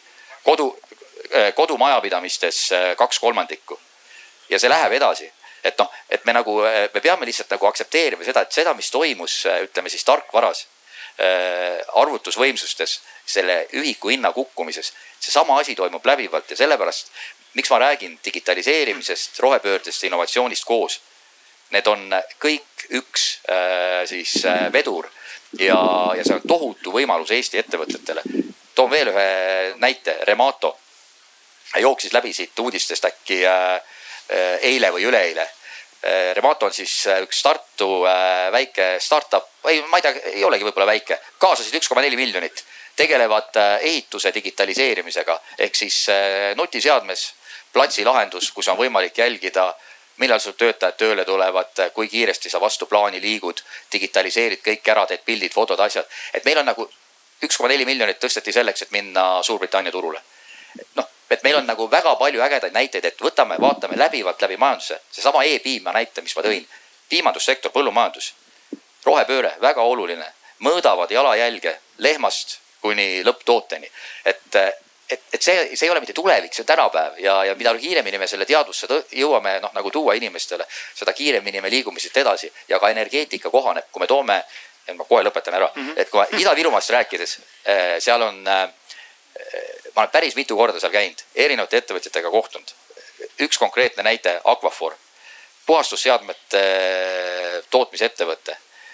kõik läheb ekspordiks, plaan teha kakssada miljonit maksev tehas, aastakäive äh, miljardites seitsesada töökohta, kui me räägime kõrge äh, lisandväärtusega töökohtadest, need loovad enda ümber Saksamaa näitel neli pluss töökohta teistes sektorites.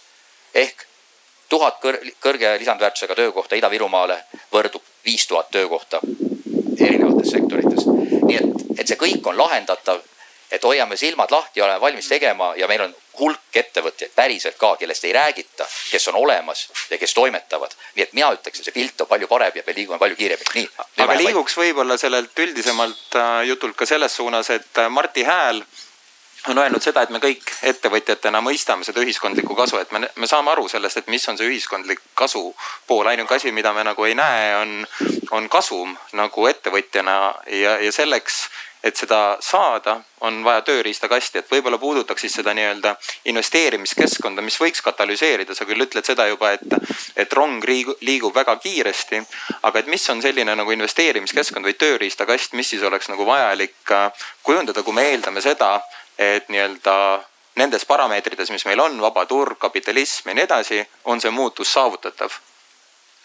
noh, ma arvan, et kõige olulisem on äh, aru saada, et äh, kus kohas ja mil moel riik aitab neid investeerimisotsuseid äh, teha ja ma korra juba rõhutasin seda, et, et kindlasti on teatud sellise jätkusuutlikkuse määramises riigi roll väga oluline ehk et mhm. milliseid nii-öelda teatud tarbimismudeleid nähakse ette pikema perioodi jooksul, et mitte väga abstraktne olla, siis tahaks rääkidagi sellest, et et näiteks transpordi valdkonnas, et me oleme tegelikult riigina läbi kukkunud biokütuste valdkonnas selles mõttes, et biometaan ei ole saanud valdavaks ühel või teisel põhjusel.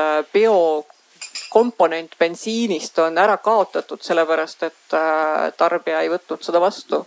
ehk et äh, küsimus ongi selles, et äh, kõigesse sellesse on ju pidanud keegi mingisuguse investeeringu tegema ja, ja küsimus on alati see, et, et mida ja millised äh, nii-öelda mehhanismid on riigil teatud äh, tarbimismudelite nagu äh, boost imiseks, ütleme, et ka riik on ise väga suur tarbija paljudes valdkondades. ja, ja küsimus siis, mida teha selleks, et teatud tehnoloogiatesse investeerimine, teatud asjadesse investeerimine ennast nagu pikemas perspektiivis ära tasuks ja, ja ka investeeringud abstraktsemal moel, et äh, innovatsioon äh, on äh, ülikihvt ja väga loomingulised lahendused on ka väga kihvtid ja nende toetamine kindlasti selleks, et üleüldse sellised out of the box mõtlemised tekiksid, oleksid mõistlikud. aga, aga kindlasti praegusel hetkel me peaksime vaatama, et millise investeeringu puhul selle skaala või siis nii-öelda selle kasutuslaius oleks võimalikult suur ehk et annaks selle võimalikult suure kiirendi sellesse suunda, mida me soovime saada. on täpselt samamoodi, et kui me räägime nii-öelda rahastamisest, siis äh, selle jätkusuutlikkus ehk et kui palju ja kui pikalt seda nii-öelda kasutada saaks ja teine asi, et kui laialt seda kasutada saaks, need on kaks minu arvates sellist märksõna, mis peaksid olema selle investeerimiskeskkonna puhul äh, määravad hetkel.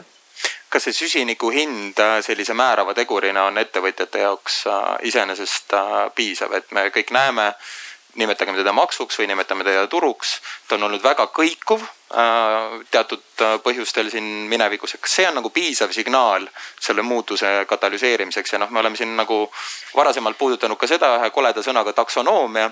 aga noh, laias laastus me oleme kokku leppimas erinevates sektorites, mis siis on ja mis ei ole roheline, et noh, sellepärast ma alguses ka küsisin, et kas me juba ise saame aru, noh, kas tuumajaam on roheline või ei ole, kas biokütus on roheline metaani kujul või on. Noh, et selles mõttes me oleme selle kokkuleppe faasis, et kas seda tüüpi regulatsioon on piisav või me peaksime ka nagu väga selged käsud ja keelud äh, välja ütlema, noh aastal kaks tuhat kolmkümmend viis Euroopa Komisjon on öelnud sisepõlemismootoriga autode müük lõpeb. noh, see ei ole küll veel kokkulepe, mis on tehtud, see on ettepanek, mis on välja öeldud. on öeldud ka seda, eks ole, et väga suured muutused on puidu kasutuses näiteks, et enam energiaks ei lähe, et kas seda noh, kas see, mis nüüd on välja pakutud, võiks olla midagi sellist, mis, mille alusel saaks töötada? ma arvan, et teatud mehhanismid tuleks ikkagi nagu äh,, me oleme nii väike riik, et meil ei teki teatud valdkondades sellist äh, mitmekülgset lahendusvõimalust lihtsalt selle tõttu, et see ei ole rahaliselt jätkusuutlik. ehk et äh, kui sa ütled, et sisepõlemismootoriga autod kaovad ära ehk et neid ei tohi enam müüa, siis küsimus on see, et mis see alternatiiv on ja, ja tegelikult ega aus vastus on see, et energiakandjaid ilmselt tuleb väga erinevaid, erinevaid asju tuleb aga, aga lühiperspektiivis äh, kohe kiiresti minna selle mitmekülgse lahenduse juurde ei ole lihtsalt rahaliselt jätkusuutlik. ehk et ma, ma väidan, et teatud asjades tuleks riigil mingisuguse teekonna nii-öelda joon maha tõmmata, et äh, veel kord mitte jäädes väga abstraktseks, äh, tulles tagasi biokütuste juurde. ma ei lähe siinkohal vaidlema sellel teemal, et kas bioetanool on üldse nagu äh, roheline lahendus, kui seda, ma ei tea, kust tuuakse ja selle toomiseks kulutatakse tohutut energiat aga, aga elu näitas, et Eesti oli innovatiivne, mõtles, et seadusandluses me ei ütle, et peab olema igas müüdavas liitris teatud kogus biokütust sees, vaid et saate seda täita kõikvõimalike paberitega ja, ja igasuguste erinevate trikkidega. Ja loomulikult seda ka tehti ja, ja selle tulemus on täna see, et tõesti me müüme sada protsenti fossiilset bensiini lihtsalt seetõttu, et turg äh, jõudis äh, oma paindlikkuses sinnamaani, et see on kõige mõistlikum lahendus. ja, ja, ja et sellist asja nagu uutes lahendustes nagu või uutes äh, eesmärkide täitmisel vältida, et me lühiajaliselt teeme mingisugust jokk-lahendust. mina isiklikult arvan, et on vaja teatud põhimõtted kokku leppida ka teostuse viisi, mitte ainult eesmärki seada vaid jõuda mingites raamides ka selle teostuse juures mingite põhimõtete kokkuleppimiseni mm. -hmm. Andrei, et sa oled, ehitad sajandi raudteed, sajandi infrastruktuuri ja sellest on tehtud, ma saan aru, et kui me siia sõitsime, siis üks viadukt, ei, see on vist isegi pigem ülevalpool, et need viaduktid ei ole veel nagu ehitatud. ma usun, et sul on väga palju valikuid nüüd ka vaadates neid, neid numbreid raudtee-ettevõtte nõukogu või noh, pigem siis raudteenõukogu Äh, juhina, et kuidas sina vaatad seda noh, nii-öelda tulevat äh, CO2 hinda, tulevaid äh, tehnoloogiaid. et, et kas me võime julgelt selles suunas minna, mis, mis nagu valitud on? ma ütleks, et, et, et siin need sellised isiklikud kuidagi kogemused ja asjad nii panga kui ehitussektorist on nagu üliolulised see, et ma täna olen raudtee-ettevõtte nõukogus, ilmselt on karmavõlg, et ma olen kunagi Äh, selleaegses Tallinna Tehnikaülikoolis lõpetanud ehitusteaduskonna teedeehitus on, nii et, et see. ma teadsin, et see asi ükskord mulle jälle järgi jõuab ja, ja, ja nii ongi. aga, aga teisest küljest on see nagu vahva, et, et kui sa nagu vaatad seda nagu suurt pilti, et, et noh, et mis nagu tegelikult, et kust see kõige suurem süsiniku jalajälg nagu tuleb, on ju. noh, kõige ülemine ja kõige see suurem lahter on siis ikkagi see e, elektrienergia tootmine, eks ju, ja, ja, ja, ja jaotamine et, et sealt ei ole pääsu, sa ütlesid seitsekümmend viis protsenti umbes Eestis, eks ju. on see, see nii-öelda mõju, ega ta globaalselt palju ei erine, veidi väiksem on.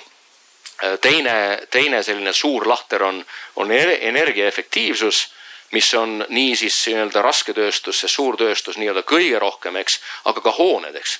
et, et see hoonete selline nii-öelda rohelisemaks muutmine on nagu ülitähtis, et et, et, et selleks on ametisse või nagu noh, ka ettevõtted, kes annavad nagu sertifikaate välja, Priim ja Lead nagu maailmas, mida meie nagu näiteks vaatame finantseerimisel.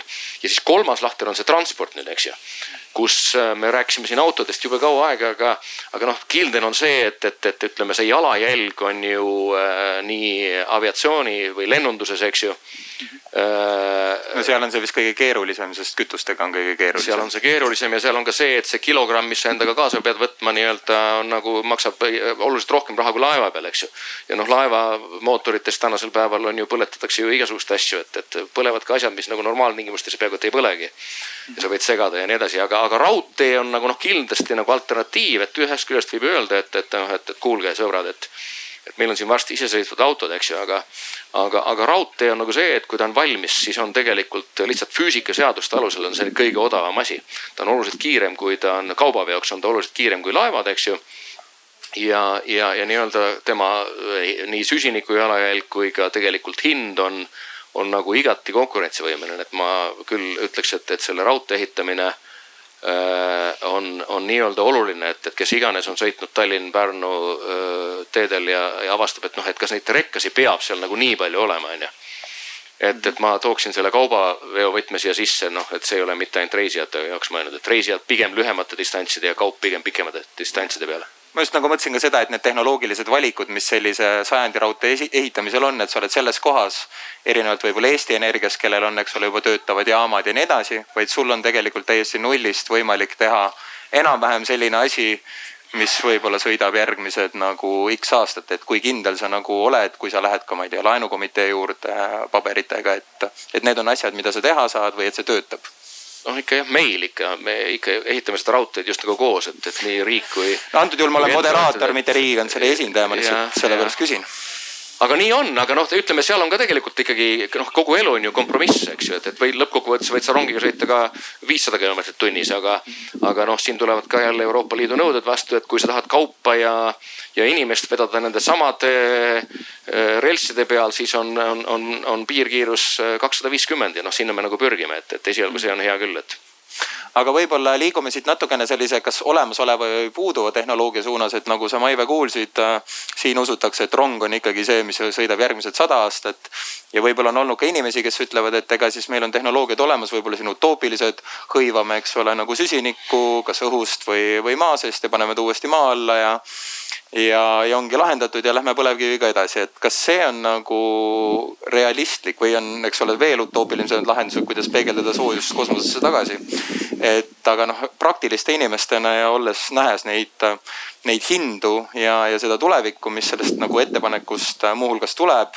et, et ka ära öelda, et need suurusjärgud siis noh, see uuem Euroopa Komisjoni ettepanek, mis võrreldes varasemaga, eks ole, nagu on, suurendab Eestis põllumajanduse ehituse, jäätmete valdkonna emissioonide vähendamise kohustust sisuliselt kaks korda.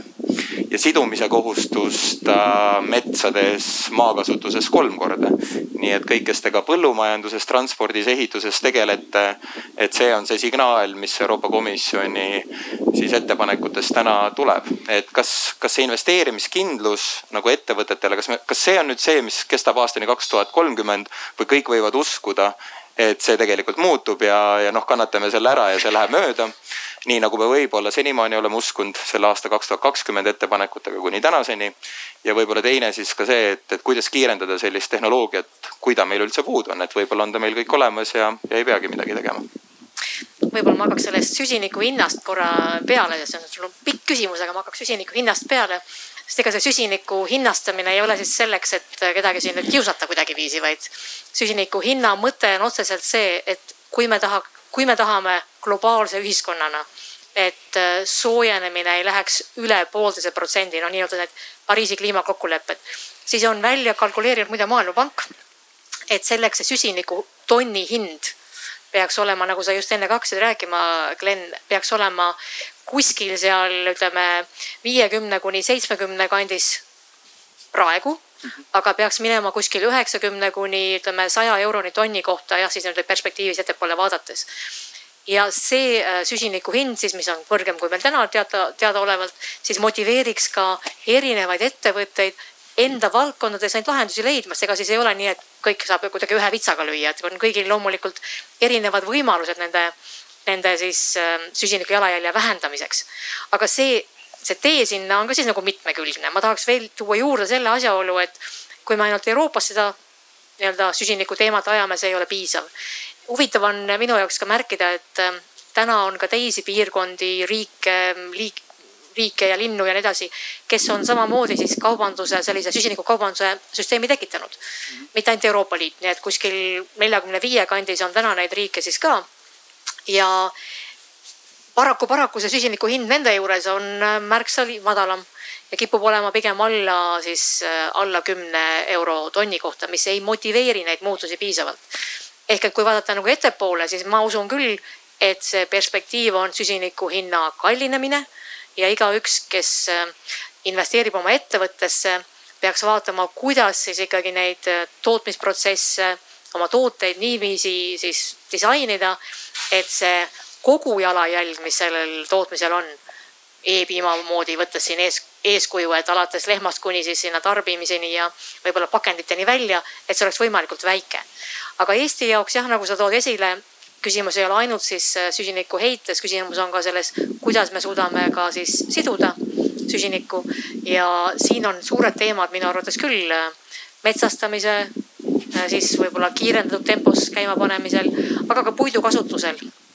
üks siis äh, selline põhimõte, mida komisjon soovitab, on puidu kaskaadkasutus ehk et kõigepealt siis kõikvõimalikud sellised tooted, mis seovad ja mitte ei põleta seda puitu uuesti ära, vaid no ma ei tea, mööbel, eks ju, seob, aga kui paned ahju, siis puu põleb ära, no selline lihtsustatud näide no ma saan aru, et see loogika Euroopa Komisjoni sellisel kenal linnukeelsel, eks ole, sõnal kaskaad tähendab lõppkokkuvõttes seda, et põletamiseni midagi ei jõua. noh, midagi vast ikka jõuab, aga ärge. no okei okay,, ühesõnaga saunaahju võib endiselt kütta laias laastus, et see ära ei kao. võib kütta ja kõigis, kõigis võimalik, ma arvan, ka muud sellist biomassi ilmselt ikkagi ühel või teisel moel ka kasutatakse ja, ja läheb ka kütmiseks aga need läbirääkimised, et kus täpselt on nüüd need piirid, ähm, mida soovivad Eesti ja Põhjamaad, noh, need on kõik alles, ma ütleksin, sellised lähiaastate läbirääkimiste teemad ja siin kindlasti on ministril. Äh, suured, Andresel, Andresel suured veel, suured veel ütleme, sellised äh, debatid ees. et jah, komisjon on pannud ettepaneku lauale, aga kuhu täpselt need äh, siis need kaalukausid langevad, eks siis see sõltub ka just nimelt nõukogu aruteludest ja Euroopa Parlamendi arvamusest ka see puiduteema on jube, jube huvitav tegelikult, et, et see on nagu Eestit puudutab nagu ka väga otseselt, et, et ma mm -hmm ei jõua ära imestada ja ka kadestada Raul Kirjaneni ajastust äh, Graanul Investi tehinguga mm. Äh, jah, aga, aga proovime püsida nagu ka sellel tehnoloogiakursil ja natuke ka seda, et mis me teha saame. ma tõstan korraks äh, pilgu üles äh, ja vaatan, et meil on siin ka kuulajate hulgas üsna tähelepanuväärne arv nagu tehnolooge ja, ja võib-olla elektritootjaid ja nii edasi, et, et kui teil on küsimus, siis ma tuletan meelde, et on võimalus täitsa kenasti käsi püsti ajada ja, ja küsida, et ma näen juba tuuma, tuumaenergeetikud tõstsid kiiresti käe seal ja, ja nii edasi, et võtame mõne küsimuse ka, et natukene arutelu elavdada. palun. tere, aitäh väga huvitava senise arutelu eest küsimus vast eelkõige Andres Sutile, aga kõik teised ka, kes äh, soovivad kommenteerida, saavad kommenteerida. Ehm, me oleme täna nägemas, kuidas äh, toetused äh, mahetootjatele vähenevad. Ja siin oli juttu sellest, et tarbija on sisuliselt otsustanud. Nüüd küsimus, et ähm, otsustanud siis rohe, rohe, rohelisema tarbimise kasuks et küsimus, et millised meetmed on äh, kasutusele võetud selleks, et, äh, et roheline valik või mahevalik oleks tarbija rahakotile sõbralikum kui loodust kahjustav valik? ja no vot, ega inimene ei saa nüüd olla päris kõikides äh, detailides ekspert, et noh. mahevaldkonna toetused, kui jutt on selles, et need kaovad ära, oli nii või? Või on vähenenud. noh, siis tuleb otsa vaadata, et, et mida saab teha, et, et seal muuta, et, et mul täna nagu sellele valmis vastust, valmis vastust ei ole. et noh, mida me võiksime küll noh, alati mõelda, et, et mis me veel saame teha lisaks toetusele. et, et me tegelikult noh, jõuaksime siis ka näiteks mahetoidu suuremale kasutamisele, noh, ma ei tea, võtame siis lihtsad asjad nagu näiteks kool, koolitoit et kas see võiks olla üks koht, kus on kokkulepe, et lihtsalt rahastataksegi rohkem ja, ja kasutatakse mahetoitu. noh, neid näiteid, näiteid võib tuua päris palju, et aga võtan siit selle küsimuse kaasa, et täna mul sihukest ühest vastust anda ei ole ja me kindlasti ei alusta siin arutelu selle üle, no ei jõua arutada, et ja see on täitsa omaette teema, et kas, kas mahetoiduga on võimalik ära toita kümme miljardit inimest planeedil. et see on kindlasti ka väga moraalne väljakutse nagu lisaks kõigele, kas me peaksime sünteetilise toidu või muu tüüpi innovatsiooni suhtes äh, suhtes avatumad olema, aga, aga hetkel meil vist ei ole ka siin ühtegi spetsialisti ka oma taustalt vist, äh, kes on toidutootja olnud, et ma näen, et Kalle, Kalev, sul oli äh, küsimus ja tõepoolest äh, Kalev Kallemets Fermi-Energiast, et äh, ma ei küsi äh, tegelikult nagu enda valdkonna kohta, et tuumaenergeetika kohta, aga küsin nagu tegelikult aususe kohta, et mul oli hea sõnavahetus Erki Savisaarega, kes osutas sellele, et komisjoni poolt tublid, uued jälle kõrged eesmärgid, on ju. aga nii, aga kuidas läks eelmiste eesmärkide täitmisega? Eesti oli väga tubli, nagu me oleme, põhjamaine, tegelikult teeme seda, mida lubame. aga terve rida Lääne-Euroopa riike seda sugugi ei teinud, on ju, sealhulgas Holland näiteks. ja Saksamaal läks ka väga nii pinnapind ja, ja, ja globaalselt rääkides, millest Glen väga õigesti ütles, kaheksa protsenti on tegelikult meie heide, globaalne heide. täna kõige suurem globaalne heide on Hiina Rahvavabariik, ehitab järg, jätkuvalt juurde kakssada kivisöeelektrijaama, mis siis noh, vaevalt, et ainult üheks aastaks töötavad. et äh, ja, ja noh, tuleb siin COP kakskümmend kuus, aga ma arvan, kõige olulisem mehhanism on see CBAM, Carbon Border Adjustment mehhanism. et äh, palun avage, äh, Maive Rutte, seda detaili ja kui tõsiselt see tegelikult rakendub. selleks, et ei juhtuks seda, et me lihtsalt nii terases, alumiiniumis, äh, teistes äh, toodetes, mis on süsinikintensiivsed tegelikult või, või näiteks ka raua sulatamine. kõik ma, ma nägin siit Paidest sõitis välja vana rauamasin, see läheb Türki. ja kus nad kivisöega siis nagu selle põhimõtteliselt ära sulatavad ja, ja noh, siis tuuakse meile tagasi ja siis et mis sellest, mis sellest kasu on. et, et kui me neid mehhanisme jõuliselt ei rakenda ja ainult ennast pitsitame, siis see ei ole õiglane see ei ole nagu meie ega, ega kliima kasuks. et äh, palun avage nagu seda poolt äh, põhjalikult, aitäh! Ja et võtaks võib-olla siis korraks, meil on siin ka Andres, kes on kohakaasusega väliskaubandusminister, et tema kindlasti saab ka nagu väliskaubanduse poole pealt võib-olla kommenteerida, et kui oluline aspekt selles nii-öelda õiges raamistikus on see, et, äh, et me oleme nagu liikumas süsiniku hinnaga suunas üheksakümmend eurot tonn ja samal ajal muu maailm teeb kümme eurot tonn, nagu äh, siin oli mainitud, et Maive võib-olla ettepanek oli teieni, et piirimehhanism kes, kes selle alla lähevad ja kas see on midagi, mida siis kõik sektorid, keda, keda need sammud, mida te olete pakkunud, puudutavad, on ka midagi, mis siis laias laastus võib neid nimetada ka rohetollideks, kuigi WTO inimesed, Maailma Kaubandusorganisatsiooni inimesed ei luba seda niimoodi käsitleda, aga, aga et kuulajad kõik aru saaks. jah, alustan siis äh, võib-olla äh, sellest, et äh, komisjoni ettepanek on rakendada siis neid piiridel need süsiniku jalajälje nii-öelda maksustamise, noh tolli ei saa öelda, ütleme süsiniku jalajälje maksustamist põhimõtteliselt viies sektoris. Need on sellised sektorid, mis on tõesti ka kõige sellised ähm, suuremad siis süsinikuheite sektorid. tsement ähm,, alumiinium, raud ja teras, väetised, aga nüüd lisaks juurde ka elekter, ütleme, et need ülejäänud, mis ma enne nimetasin, olid võib-olla selgemini juba kaardil varem, aga tuleb juurde ka tõesti siis elekter, mis on meile väga huvitav ka siinses piirkonnas, sest puudutab ka, eks ju, siis meie lähipiirkonna Venemaa ja Valgevene plaane siin alates ka mm, tuumaenergiast, mis sealt poolt võiks tulla üle Valgevene piiri ja nii edasi, et noh, siin on ka nagu mitmed geopoliitilised mängud juures. oli jutuks, et, ähm, et siis ähm, mõned sellised riigid nagu Hiina ja Türgi, kes täna impordivad Euroopa Liitu just selliseid tooteid, et kuidas siis neid mõjutaks ja eks see mõte selles ongi, et äh, see mänguväli oleks tasa, tasa, tasasem. ehk et me peaksime piiridel siis maksustama neid äh, sisendeid, mis tulevad ja, ja mis on toodetud võib-olla suurema kliimajalajäljega. selle kliimajalajälje arvutamise metoodikad, kõik see on alles asi, mida tuleb tegelikult teha, need ei ole täna kõik veel laual valmis. küll aga on täna teada, et äh, just neid tooteid, mis ma nimetasin nendes sektorites, kes siis on suuremad meile Euroopa Liitu importijad, ongi Türgi, äh, Hiina, Venemaa no üht-teist tuleb ka Norrast, aga noh, põhimõtteliselt on just Türgi, Venemaa ja Hiina seal, kes natukene ka Ukraina läbi selle energia, läbi selle elektri teema. ehk et nendega tuleb ka siis vaadata, kuidas see väliskaubanduse mõttes toimima hakkab. Aga tahtsin juurde öelda selle, et me ei peaks alahindama ka teiste riikide valmisolekut ka investeerida omalt poolt nende siis äh, kliimaneutraalsusesse. ja mis iganes me noh arvame või usume Hiina Äh, siis juhtide, ütleme siis välja kuulutatud ähm, kliimaeesmärkide tegelikust tõekspidamisest või mitte.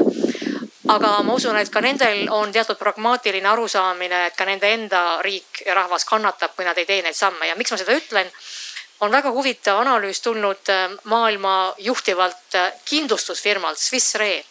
Swiss Re on teinud ära selle arvutuse, kui palju Äh, me siis globaalselt kaotaksime oma majanduskasvus, kui me ei võta neid vajalikke samme.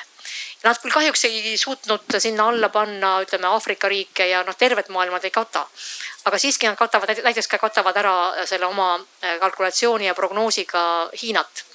ja Swiss Re ütleb seda, et kui me ei võta olulisi äh, samme ja kiiresti kliimaneutraalsuse saavutamiseks, siis globaalselt on see kukkumine umbes miinus kaheksateist protsenti siis sellisest noh, globaalsest ütleme siis äh, maailma majandusest. aga Hiina saaks pihta rohkem ehk et Hiina võiks, võib kaotada kuni, kuni peaaegu veerandi oma majandusest. ja loomulikult sellised äh, ütleme siis ohud ei ole ka, ei ole ka sealsele siis äh, ütleme inimestele ja nende juhtkonnale teadmata.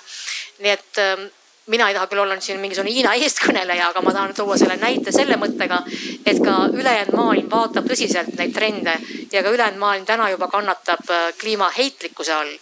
meie siin nägime Euroopas üsna hiljaaegu väga ehmatavaid üleujutusi, kus ka minu tutvusringkonnas said suisa inimesed surma ja, ja, ja ütleme rääkimata sellest, et äh, majad ja ütleme vara kannatas sedalaadi heitlikke kliimaolusid on muidugi troopika piirkonnale lähemates riikides väga sageli. ehk et ähm, see sõnum, et meil on vaja kliima heaks midagi teha, äh, ma arvan, jõuab pärale ka mujal. võib-olla need vahendid ja, ja poliitiline võimekus ei ole nii head, aga me ei peaks seda alahindama, ma arvan, et Euroopa näitab just selle kliimapaketiga praegu ka julgelt eeskuju ja eks me nende kohtumistega siin Glasgow's on järgmine tulemas, peame ka sinnamaani jõudma, et me teisi ka julgemini veename ja Euroopa jätkuvalt on oluline turg, need, kes tahavad siia müüa, peavad sedasama mängu kaasa siiski tegema.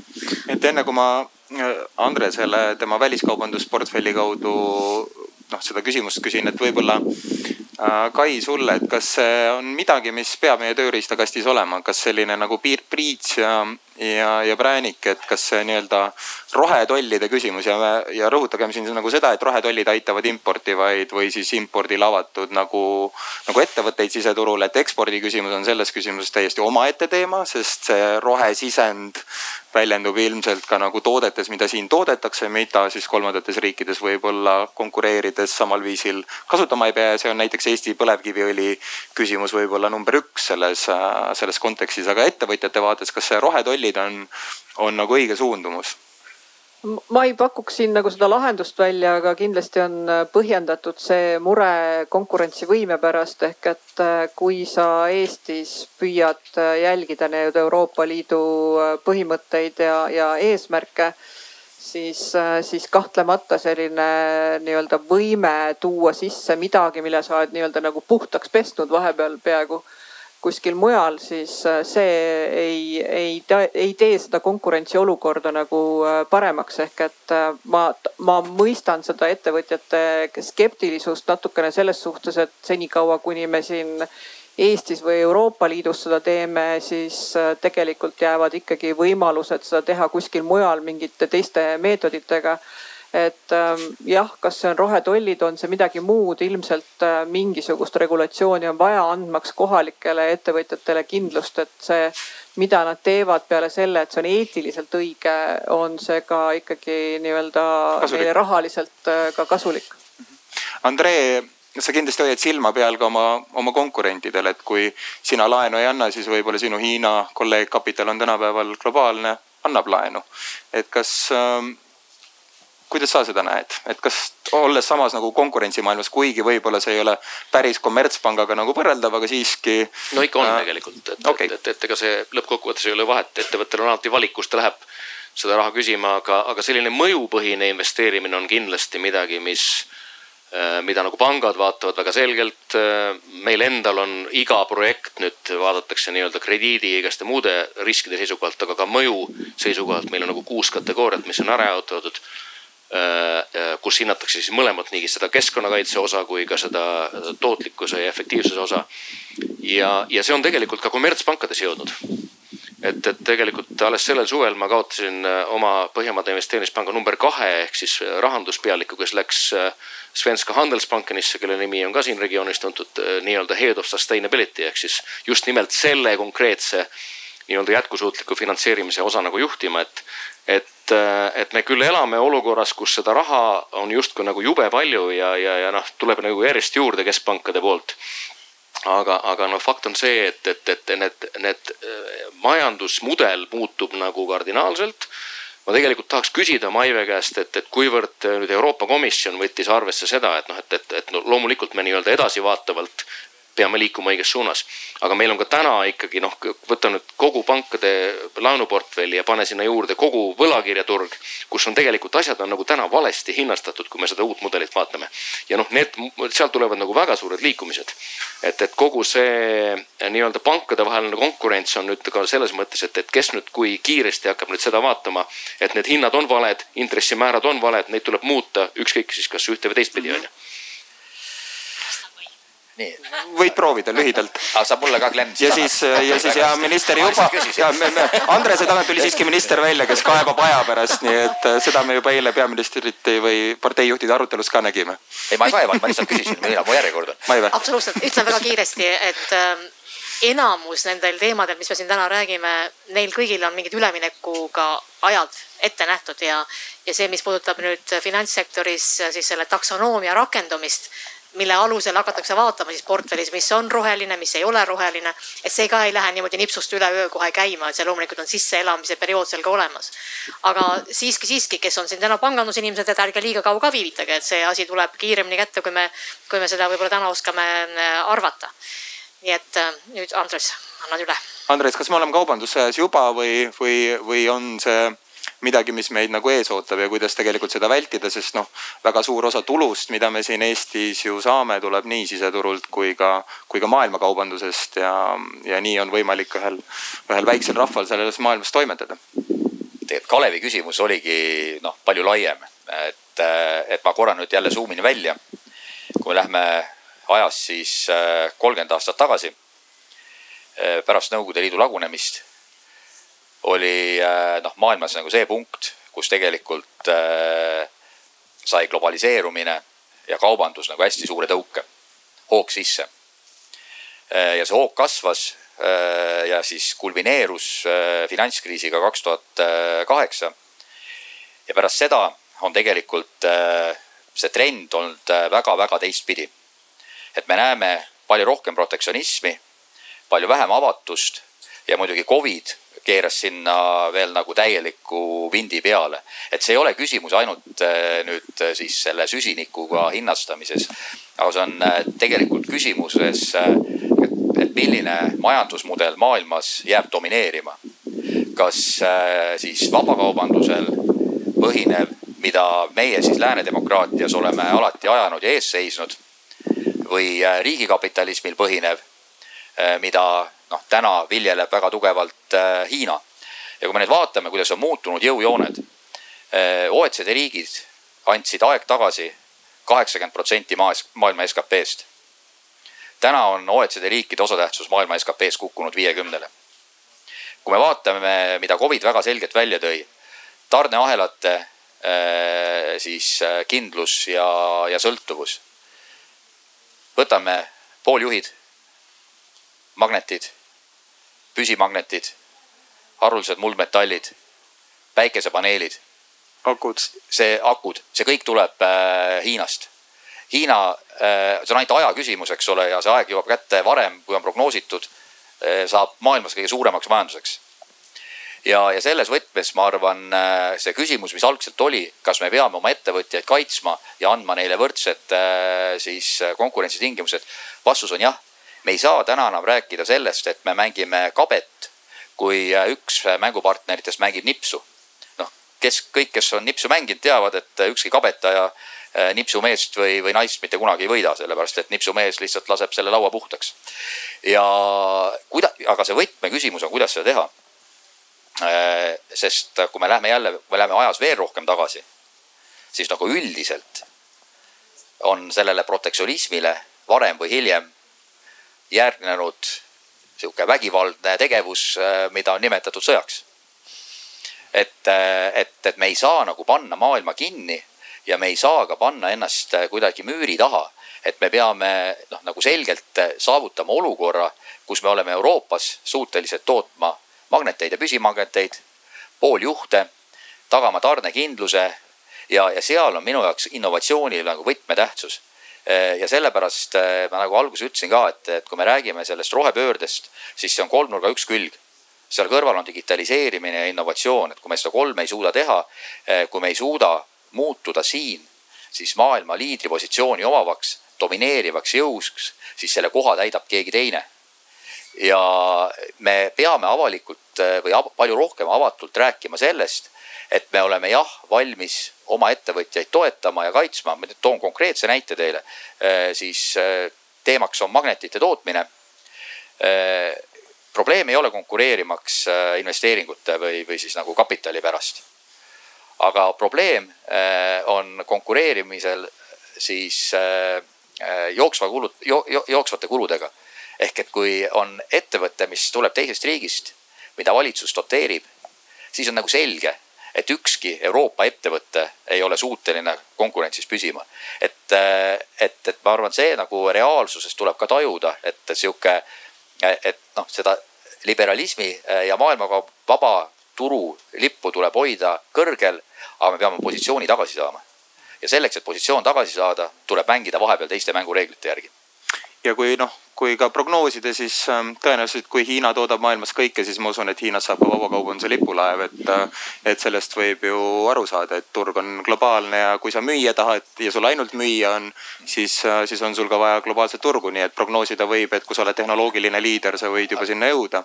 aga võib-olla jätkuküsimus sellele ka enne, kui ma näen, et siin juba on paar, paar küsimust, et küsimus selles, et kes on meie uued sõbrad, et see tehnoloogiline muutus eeldab ka uusi ressursse, kaevandamine ära ei kao. Kes on meie uued sõbrad? Äh, no hakkame nagu sellest pihta, et, äh, et kui suur on meie siseturg. jutt on Eestist? ei ole jutt Eestist, jutt on Euroopast, et meil on äh, nelisada pluss miljonit inimest, suurem kui Ameerika. võtame Ühendriigid sinna kõrvale. noh, natuke ümardame ka, mõned liitlased veel kuskilt tulevad juurde, et, et me saame ilusti selle miljardi lähedale kokku. ehk et meie liitlased ja meie agenda on see, et me peame need õiged mängureeglid globaalsel äh, mänguväljakul tagasi saama. aga selleks, et seda saada, peame meie olema liidrid tehnoloogias, innovatsioonis. kui me seda ei suuda, siis need reeglid dikteerib keegi teine. ja sellepärast, kui me räägime, kas seda rohepööret on nagu vaja või kui kiiresti seda on vaja, siis kui me tahame, et mängitakse nende mängureeglite järgi, mis on meie väärtustega kooskõlas siis tuleb sinna rohepöördele ainult hagu juurde anda noh, mitte siis nagu seda hagu, mis CO2 emiteerib äh,. aga, aga seda, mis, äh, mis nagu hoogu ja. meil on vaja ka uusi vanasõnasid, mulle tundub ja, ja kõnekäände. jah, aga, aga ma ühe lihtsalt repliigi ütlen veel, et, äh, et kui me nüüd räägime sellest, noh, seda autodest meil oli palju juttu, eks ole, et, et aastast kaks tuhat kolmkümmend viis enam sisepõlemismootoriga autosid võib-olla ei toodeta, paljud tootjad on seda juba ise öelnud, et nad lõpetavad ära mm. -hmm see ei tähenda seda, et, et kõik sisepõlemismootoriga autod tuleb kokku koguda ja viia siis kuhugi romulasse. sama käib, käib ju energeetikas, me ei räägi, me räägime ikkagi ju sellest, et olemasolevad tootmisvarad tuleb nagu mõistlikult lõpuni jooksutada. sest noh, kõigile, kellel on ringmajandus südamelähedane, ei ütle seda, kui öeldakse enam sinise sihukese pusaga käia ei tohi, siis järelikult tuleb see nagu ära põletada või ütleme, sihukest pusa ei tohi enam osta. nii, see ei tähenda ju seda, et, et see pusa, mis mul seljas on, tuleb nüüd ma ei tea, kuhugi õhku lasta, eks ole. et, et me peame andma selle üleminekuperioodi ka, aga see on nagu teine asi. esimene asi on see, et, et kuidas me liigume edasi nii, et Euroopa on globaalse tehnoloogilise eesliini eestvedaja. see on võtmeküsimus. Euroopa koos Ameerikaga, mitte, meil ei saa mingit väiksemat ambitsiooni olla nii et kõneaeg jaguneks ühtlasemalt, siis järgmine küsimus, aga mitte ministrile et.... ja nii, nii sobib. aga ja teie kõigi optimism on minu jaoks väga liigutav ja ma tahaks äh, tulla tagasi selle teema juurde, mis puudutas äh, energiapööret või sellist rohelise energia poole suundumist. ja võib-olla taustainfoks lepime kõik omavahel nüüd kokku, et, et äh, geosfäär ehk siis kliimasüsteem on täpselt sama oluline inimtsivilisatsiooni alusvundament nagu biosfäär ehk toimivad ökosüsteemid, et selles me vist ei vaidle. Ei, me ei vaidle selles ja tõenäoliselt ega planeet saab ikka hakkama, et meil on keeruline. ja just nimelt ja ja, ja seega siis äh, energiaprobleemi lahendamine ei saa, ei saa käia biosfääri arvelt, aga täna ta hakkab käima, et äh, Sonter et al kakskümmend kakskümmend Nature Communicationsi analüüs äh, näitas veenvalt, aga see pole ainuke selline analüüs, neid on veel. et kui me tahaksime teha sama tarbimise või ka kasvava tarbimise, energiatarbimise juures rohepööret ehk siis minna rohelisele energiale, siis me hävitame ära selle planeedi viimased intaktsed püsivad ökosüsteemid ehk siis, kui me leppisime kokku, et sellel inimtsivilisatsioon püsib, siis tarbimise mahu säilitamisel me tegelikult laseme iseennast veega alla. et, et ehk siis meil on pildis kaks süsteemi, ühte me oleme täna hästi põhjalikult ignoreerinud, nagu seda poleks. et kuidas te sellesse fakti suhtute, nendesse analüüsidesse suhtute? küsi konkreetselt, veel, veel konkreetsemalt meie ei ole neid analüüse vist ja. lugenud, ma arvan. olgu, ma võtan nad hästi lihtsalt kokku. kui me läheksime sama energiatarbimise juures üle rohelisele energiale, päike, tuul ja nii edasi, siis meil ei oleks enam ökosüsteeme, mis meid elus hoiavad, sellepärast et äh, need energiad vajavad mateeriat, mis tulevad kaevandustest, äh, mis on maakasutuse fundamentaalne muutus. Nad asjad on maa all ja need analüüsid ütlevad et me saame sellisel juhul äh, nii-öelda, me, ei saa enam, meil ei ole neid ökosüsteeme, mis meid elus hoiavad. et ehk siis ainuke lahendus äh,, mida saab pakkuda, on sotsiaalne innovatsioon ehk siis tarbimise radikaalne vähendamine. me võime tarbida nii fossiil kui muid kütuseid, lihtsalt neid peaks tarbima väga palju vähem, et see oleks nagu see lahenduse pool. aga et, äh, et, et mis teie visioon on, et kas me tohime teha, lahendada kliimakriisi elurikkuse arvelt, mida me tegelikult ju praegu soovitame iseendal teha. ma suunan selle küsimuse Maivele ja võib-olla tervet vooru ei ava, et siis jõuavad teised küsida ka, et äh, Euroopa Komisjon on osaline, eks ole, või meie eurooplastena kõik oleme tegelikult osalised muuhulgas ka vahvas äh, ta, ma ei tea, mis, kuidas õige on öelda, tuumasünteesi projektis Kunst päike, mis ma saan aru, et äh, töötab kuskil Prantsusmaal ja, ja päästab kõiki, kõiki meid meie muredest, aga, aga, aga baaseeldused, et äh, Len, sa laiendad seda küsimust nüüd veelgi, see oli isegi juba väga lai küsimus. no ma saan aru, et meil on olemas potentsiaalselt energiaallikas. ma tahaksin lihtsalt öelda seda, et minu arvates on äh,, ei ole mõistlik panna neid äh, asju niiviisi kuidagi nagu kunstlikult äh, siis nagu dilemmasse. nagu me oleme kogu selle paneeli ajal püüdnud väita, ongi see, et me läheme tegelikult ühiskondadena selles suunas, et me jah, korrigeerime oma tarbimist me jah, püüame oma majanduskasvu lahti siduda ressursside nii raiskavast kasutamisest, nagu see täna on. ja kolmandaks muidugi see energiapööre tähendab seda, et me leiame uusi alternatiivseid energia tootmise meetodeid. aga mina ei ole sellist uurimust näinud, mis väidaks, et sel juhul meie ökosüsteemid äh, kõik nüüd nii-öelda lagunevad. ma olen näinud teistsuguseid analüüse, kus on väga selgelt toodud välja, et maailmas on küllalt ja küllalt pinda näiteks, kuhu saaks panna päikesepaneele. ma olen lugenud väga ütlegi kaalukaid analüüse, et näiteks Euroopa keskmise ja väikese suurusega ettevõtete elektrivajadusest saaks nelikümmend protsenti, isegi nelikümmend kaks protsenti ära katta siis, kui me paneme katustele ja noh, võib-olla siia-sinna ka veel fassaadidele ja parkimisplatsidele päiksepaneelid peale.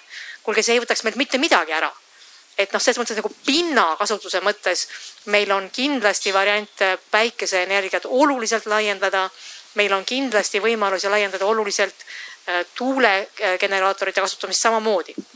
nüüd, mis puudutab seda, äh, neid nii-öelda ressursse, mis selle jaoks äh, siis vajalikud on, ega siis see fossiilkütus täna ka ilma ressurssideta kuskilt ei tule. me peaksime vaatama, kui palju on täna meie investeeringud selle fossiilmajanduse noh, iga kordseks nii-öelda jooksutamiseks ja investeeringud, mis sinna jooksevad. ja siis võrdlema sellega, kui palju on vaja nii-öelda selle uue taastuvenergial põhineva majanduse ülesehitamiseks. ja ma usun, et see pilt ei tule nüüd rööstitu. aga veel selle võib-olla selle äh, siis ähm, just nende selliste kriitilisemate toorainete juurde tahaksin öelda, et ka tehnoloogia progress tegelikult aitab meid. sel suvel tuli täiesti, ütleks nagu läbimurdeline info puudutab äh, akutehnoloogiat, mis on vajalikud elektriautodele. kõik teame, et on olnud palju kriitikat, et seda liitiumi, mis on just nende liitiumioon-akude jaoks vaja, seda ikka ei jätku. ja jällegi ähm, Hiina, kes väga tugevalt äh, investeerib ka innovatsiooni, on tulnud siis sel suvel nüüd turule siis põhimõtteliselt naatriumioon akudega ja naatriumi leidub meil looduses pea tuhat korda rohkem kui liitiumi see muidugi tähendab, et me ei saa ikkagi jätkuvalt läbi nüüd kaevandamata, aga ma, ma toon selle näite selles äh, nagu valguses, et kõiki tehnoloogilisi lahendusi võib-olla meil täna veel ei ole, aga me investeerime sinna tehnoloogia arendusse ja me leiame need lahendused nii-öelda as we go, et nii nagu me edasi läheme. siin Andres tõi näite, et viieteist aasta eest me veel ei teadnud, mismoodi me täna kasutame oma nutitelefone võib-olla viieteist aasta pärast on ka meie energiaallikad, salvestustehnoloogiad hoopis paremal alusel kui täna, mida me täna oskame ette näha. okei okay,, Arp, sul oli pikemat aega juba küsimus, nii et. Ähm, tere, Arp Müller Vikerraadiost.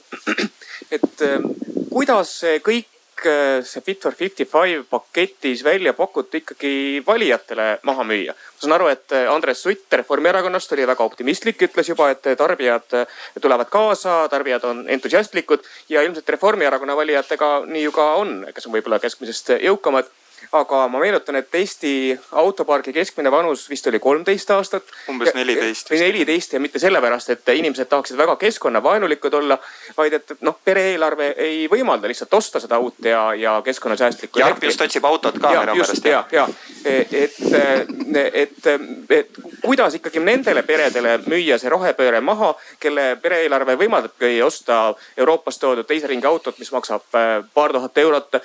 kuidas müüa rohepööre maha nendele nendele peredele, kes, kui bensiini hind siin peaks paari aasta pärast tõusma kahe euroni liitrist, saavad väga kurjaks. kuidas müüa see rohepööre maha nendele peredele, kes näevad, et elektri hind, mis jälle tõuseb CO2 hinnaga ühes taktis. ma vaatasin, täna oli sada kaheksa eurot megavatt suvel, nädalavahetusel Eesti Energia äpist just, et kui see tõuseb näiteks kahesaja euroni veel, veel talvel püsivalt, et need pered, kes ütlevad, et ma ei ela, ela enam ära. Kuidas te müüte või kuidas, mis soovituse te poliitikutele annate, kuidas nendele peredele, nendele valijatele see maha müüa või, või, või mida teha, et äh, ma ei tea, inimesed lähevad valimiskasti juurde, valivad järgmistel valimistel EKRE, kes võib-olla lubab, et me tühistame kõik selle rohepaketi. proovime poliitikutele äkki nõu anda ja võtame siit hoopis vahepealt. et ei pane Andrest siis ainult vastama seda küsimust ja ma tänan selle küsimuse eest, sest et tegelikult ma väga tahtsin sellel teemal sõna võtta, et äh, ma ei ole nii äh, optimistlik kui Andres on, et äh, nähes neid inimesi, kellega me iga päev teenindusjaamades kokku saame, siis täpselt see pilt, mida sa kirjeldasid, tegelikult on olemas. ja, ja see on ka üks põhjus, et tegelikult neid uus põlvkond tuleb peale ja see uus põlvkond täna näiteks mõjutab palju rohkem seda, mida me sööme ja mida me söögina pakume, et ma olen ka varem öelnud, et ma ei kujutanud ette, et selline patupesa nagu äh, Statoil või Circle K on. Kõik on ju paksuks tegev või, või fossiilne või, või liiga soolane. et, et selles mõttes ma ei arvanud, et me hakkame tegelema tervisliku toidu pakkumise, veganluse ja kõige muuga ja me seda teeme, me peame tõestama oma noortele klientidele, et, et see kõik on äh, nii, nagu nemad seda ootavad, kaasa arvatud pakendid. aga, aga täiesti selgelt on ju äh, lõviosa tarbijatest ikkagi endiselt väga hinnatundlik ja otsused, mida nad teevad, ei ole ajendatud väga palju sellest, et, äh, et mis on võib-olla planeedile või, või järgmistele põlvkondadele parem, vaid püütakse see tänane õhtu kuidagi ära elada aga ma arvan, et siin on kõige õigem samm on see, et, et öelda, et miks need asjad tegelikult lähevad kallimaks, et seesama, mis sa välja tõid, nii elekter kui ka, kui ka küte kui kõik see seal on ju tegelikult sees mitte see, et me ütleme, et keegi hull pani sellele CO2 maksu peale, vaid, vaid ikkagi kokkuvõttes selle asja taga ongi see kliimamuutused, kõik see, kuidas me peame seda pidurdama hakkama. et inimesed ikkagi aru saavad, et ka nende enda tarbimisest, nende enda kõigest sellest, mida nad tarbivad, kuidas nad tarbivad ja, ja selles hinnas sisaldub kõik see pingutus, mida me peame tegema, ehk et äh, maakeeli öeldes, et väikeste muutustega on võimalik ühel hetkel ikkagi jõuda sinnamaale, et see, mida me tarbime, esiteks äh, seda on vähem, sest see on äh, jätkusuutlikum. Ja teine osa on see, et, et see on nii-öelda normaalsema hinnaga, sellepärast et seda tehakse jätkusuutlikuma tehnoloogiaga ja sellele mõeldes võib-olla see on väga sihuke maa, maakeeli väljendamine, aga, aga lihtsas moes, niimoodi ma kirjeldaks seda no meil on lõpuni jäänud jah, napilt äh, üheksa minutit, et ma annaks korra Andreele ja siis sarnane küsimus tegelikult oli, oli lõppvooruks ka nagu mõeldud, et Andrei, võib-olla sa lühidalt äh, Väga. vastad ja siis me võib-olla saame natukene nagu sellise isikliku pledge'i äh, ka ära teha, et, et mis Vabalt. me siis teha saame ja kuidas me seda elu ette kujutame. ja võib-olla see, kuidas me seda elu ette kujutame, noh, annab meile võimaluse nagu ka selle praktiliselt äh,, praktiliselt näidata, et, et võib-olla see ei olegi nii drastiliselt erinev võrreldes sellega, mis, mis ta täna on. Remargina lihtsalt ütlen, et, et tegelikult see on jube oluline küsimus, see noh, kogu see ebavõrdsuse küsimus, et tegelikult ta on nagu palju laiem asi, aga ma ütleks, et noh, et üks asi on mahamüümine. teine asi on see, et osa sellest tuleb lihtsalt kinni maksta, aidata neid, kes hakkama ei saa ja seda tuleb teha üsna otse Mm -hmm. energiavaesuse teema on selles plokis ka täiesti olemas, mis puudutab Euroopa Komisjoni ettepanekuid, sealhulgas osa sellest CO2 ühikute tulust äh, viia seda sotsiaalset tüüpi fondidesse ja, ja loomulikult on olnud senimaani ka CO2 tulu osaliselt ka riigieelarves, et kuidas riigieelarves seda jagatakse, on noh, loomulikult poliitiliste valikute küsimus. aga kahjuks see on täiesti teema, mis väärib energiavaesuse ja kogu see temaatika väga-väga pikka arutelu. et võib-olla lähme, teeks sellise lõpuvooru ja, ja, ja tõmbaks sellele arutelule joone alla, et, et siin kontekstis kaks küsimust ja Andres, sa võib-olla siis saad ka vastata ära selle küsimuse, et, et kuidas seda nagu inimestele selgitada. aga et, et kuidas me kujutame nagu võrreldes tänasega kaks tuhat kakskümmend üks, nii nagu me siia saabusime kõik, eks ole et elu teistmoodi siis nagu ette kaks tuhat kolmkümmend või kaks tuhat nelikümmend või kaks tuhat viiskümmend, et jääks selle siis kahe tuhande kolmekümnenda juures praegu pidama, et, et see võib-olla mahub meie enam-vähem nagu ettekujutusse, et kümme aastat ja, ja ka, ja ka teiseks seda, et mida me siis ise oleme teinud, et mis me siis ise oleme nagu teinud selleks, et, ähm, et oma nagu käitumist muuta, et, äh, et võib-olla siis hakkame sealtpoolt pihta. ja, kui tohib, et ma siis ikkagi sellele küsimusele, mida, mida Art Müller küsis, mhm. vastaks mm, -hmm. vastaks eraldi, et eh, keegi ei räägi ju sellest, et me lõpetame ära kasutatud autode kasutamise või et neid ei tohiks enam kuskilt importida või kui keegi räägib, siis mina seda seisukohta ei jaga. me noh, nii nagu ma ütlesin ka, et, et me peame andma mõistliku üleminekuaja, et, et see ei ole, et sa keerad lülitit ja nüüd me oleme noh, jõudnud kuhugi teisele tasemele nüüd äh, sada protsenti päri, et äh, ma arvan, tegelikult enamik inimesi valib hinda. No raudselt, et sul võib olla mingisugune, see on, see on tühi, tühine osa inimestest, kes, kes hinda ei vali ja, ja selles mõttes on nagu õige, et, et me kuidagi ei pea. ja, ja ma arvan, et selle muutuse juures on nagu noh, nagu iga muutuse juures on hirm, et kõik asjad lähevad nüüd teistmoodi ja lähevad kallimaks, aga võib-olla ei lähe et võib-olla me nagu mingi hetke pärast näeme, et, et tegelikult seda hinnatõusu ei tulnudki, aga inimestele tuleb anda see kindlustunne ja, ja anda kindlustunne just selles võtmes, et, et kelle noh, nii-öelda rahakott ei võimalda, siis see on nagu laiemalt äh, vajaduspõhiste toetuste küsimus. ehk me ju täna toetame ka neid ühiskonnaliikmeid, kes äh, noh, kes ei saa nagu äh, ise kõigega hakkama ja, ja see noh, nii-öelda energia on kindlasti üks osa sellest, mida tuleb selle toetuse juures vaadata. aga ma arvan, et me ei peaks tingimata ja alati tegema seda eeldust, et innovatsiooni ja murranguse muutusega lähevad asjad kallimaks.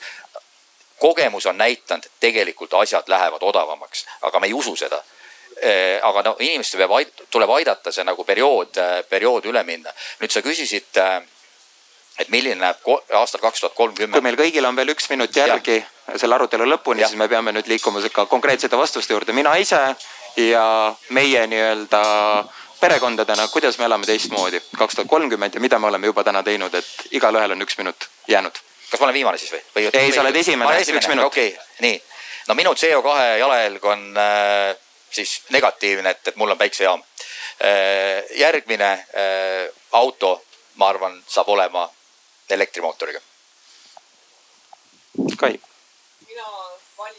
mina valisin ka uue valdkonna endale selle mõttega, et äh, ma siiralt usun sellesse ringmajandusse, ma panustan kindlasti sellesse plokki, et, äh, et äh, olla nii-öelda ühest küljest vähem tarbiv, aga teisest küljest ka seda, mida ma tarbin, saaks nagu uuesti ja uuesti mingil kujul kasutada Andre? mina ostsin uue auto eelmisel nädalal ja, ja eeltingimus oli see, oli see, et ta on hübriid ja mitte ainult, vaid ka pistikhübriid, et, et, et sealt nagu hakkas peale, et, et tegelikult ma muud nagu ei vaadanudki. Aga mis puudutab nüüd kaks tuhat kolmkümmend, siis ma ütleks, et, et noh, sellel ajal meie lapsed ilmselt öö, otsustavad palju rohkem asju kui meie ise, et, et ma, kui ma nagu täna vaatan oma kolme lapse öö, neid äh, soodumusi ja eelistusi, siis tegelikult äh, siin on nagu eneseharimist küll ja mul endalgi on veel arenguruumi, et, et kui me nagu jätkan nagu nende nõuannete järgi, siis ma kindlasti olen keskkonnale oluliselt inimsõbralikum äh, indiviid. Maive? mul on kohe pikk nimekiri soovitan ka teistel, kes kannat-, kel, kel võimalik võtta siis äh, ja invest- ja, ja soojustada ära oma elamised, siis on su igapäevased, iga-aastased kulud juba madalamad. Äh, soovitan, kes vähegi saab panna päikesepaneelid, nii nagu ka Andres on pannud, meil on samamoodi päiksepaneelid, kus vähegi võimalik kesklinnas käime igal pool jala. Äh, järgmine auto kindlasti on elektriauto. Brüsselis meil ei ole üldse autot kasutame ühiskondlikku transporti. isiklikus elus äh, olen Brüsselis äh, riiete taaskasutuse selline eestvedaja. ja sööme suhteliselt vähe liha, millel on suurem äh, jalajälg nii et juba täna väga paljuski niimoodi vaatame neid keskkonna aspekte ja usun, et see läheb kümne aastaga ainult veel edasi.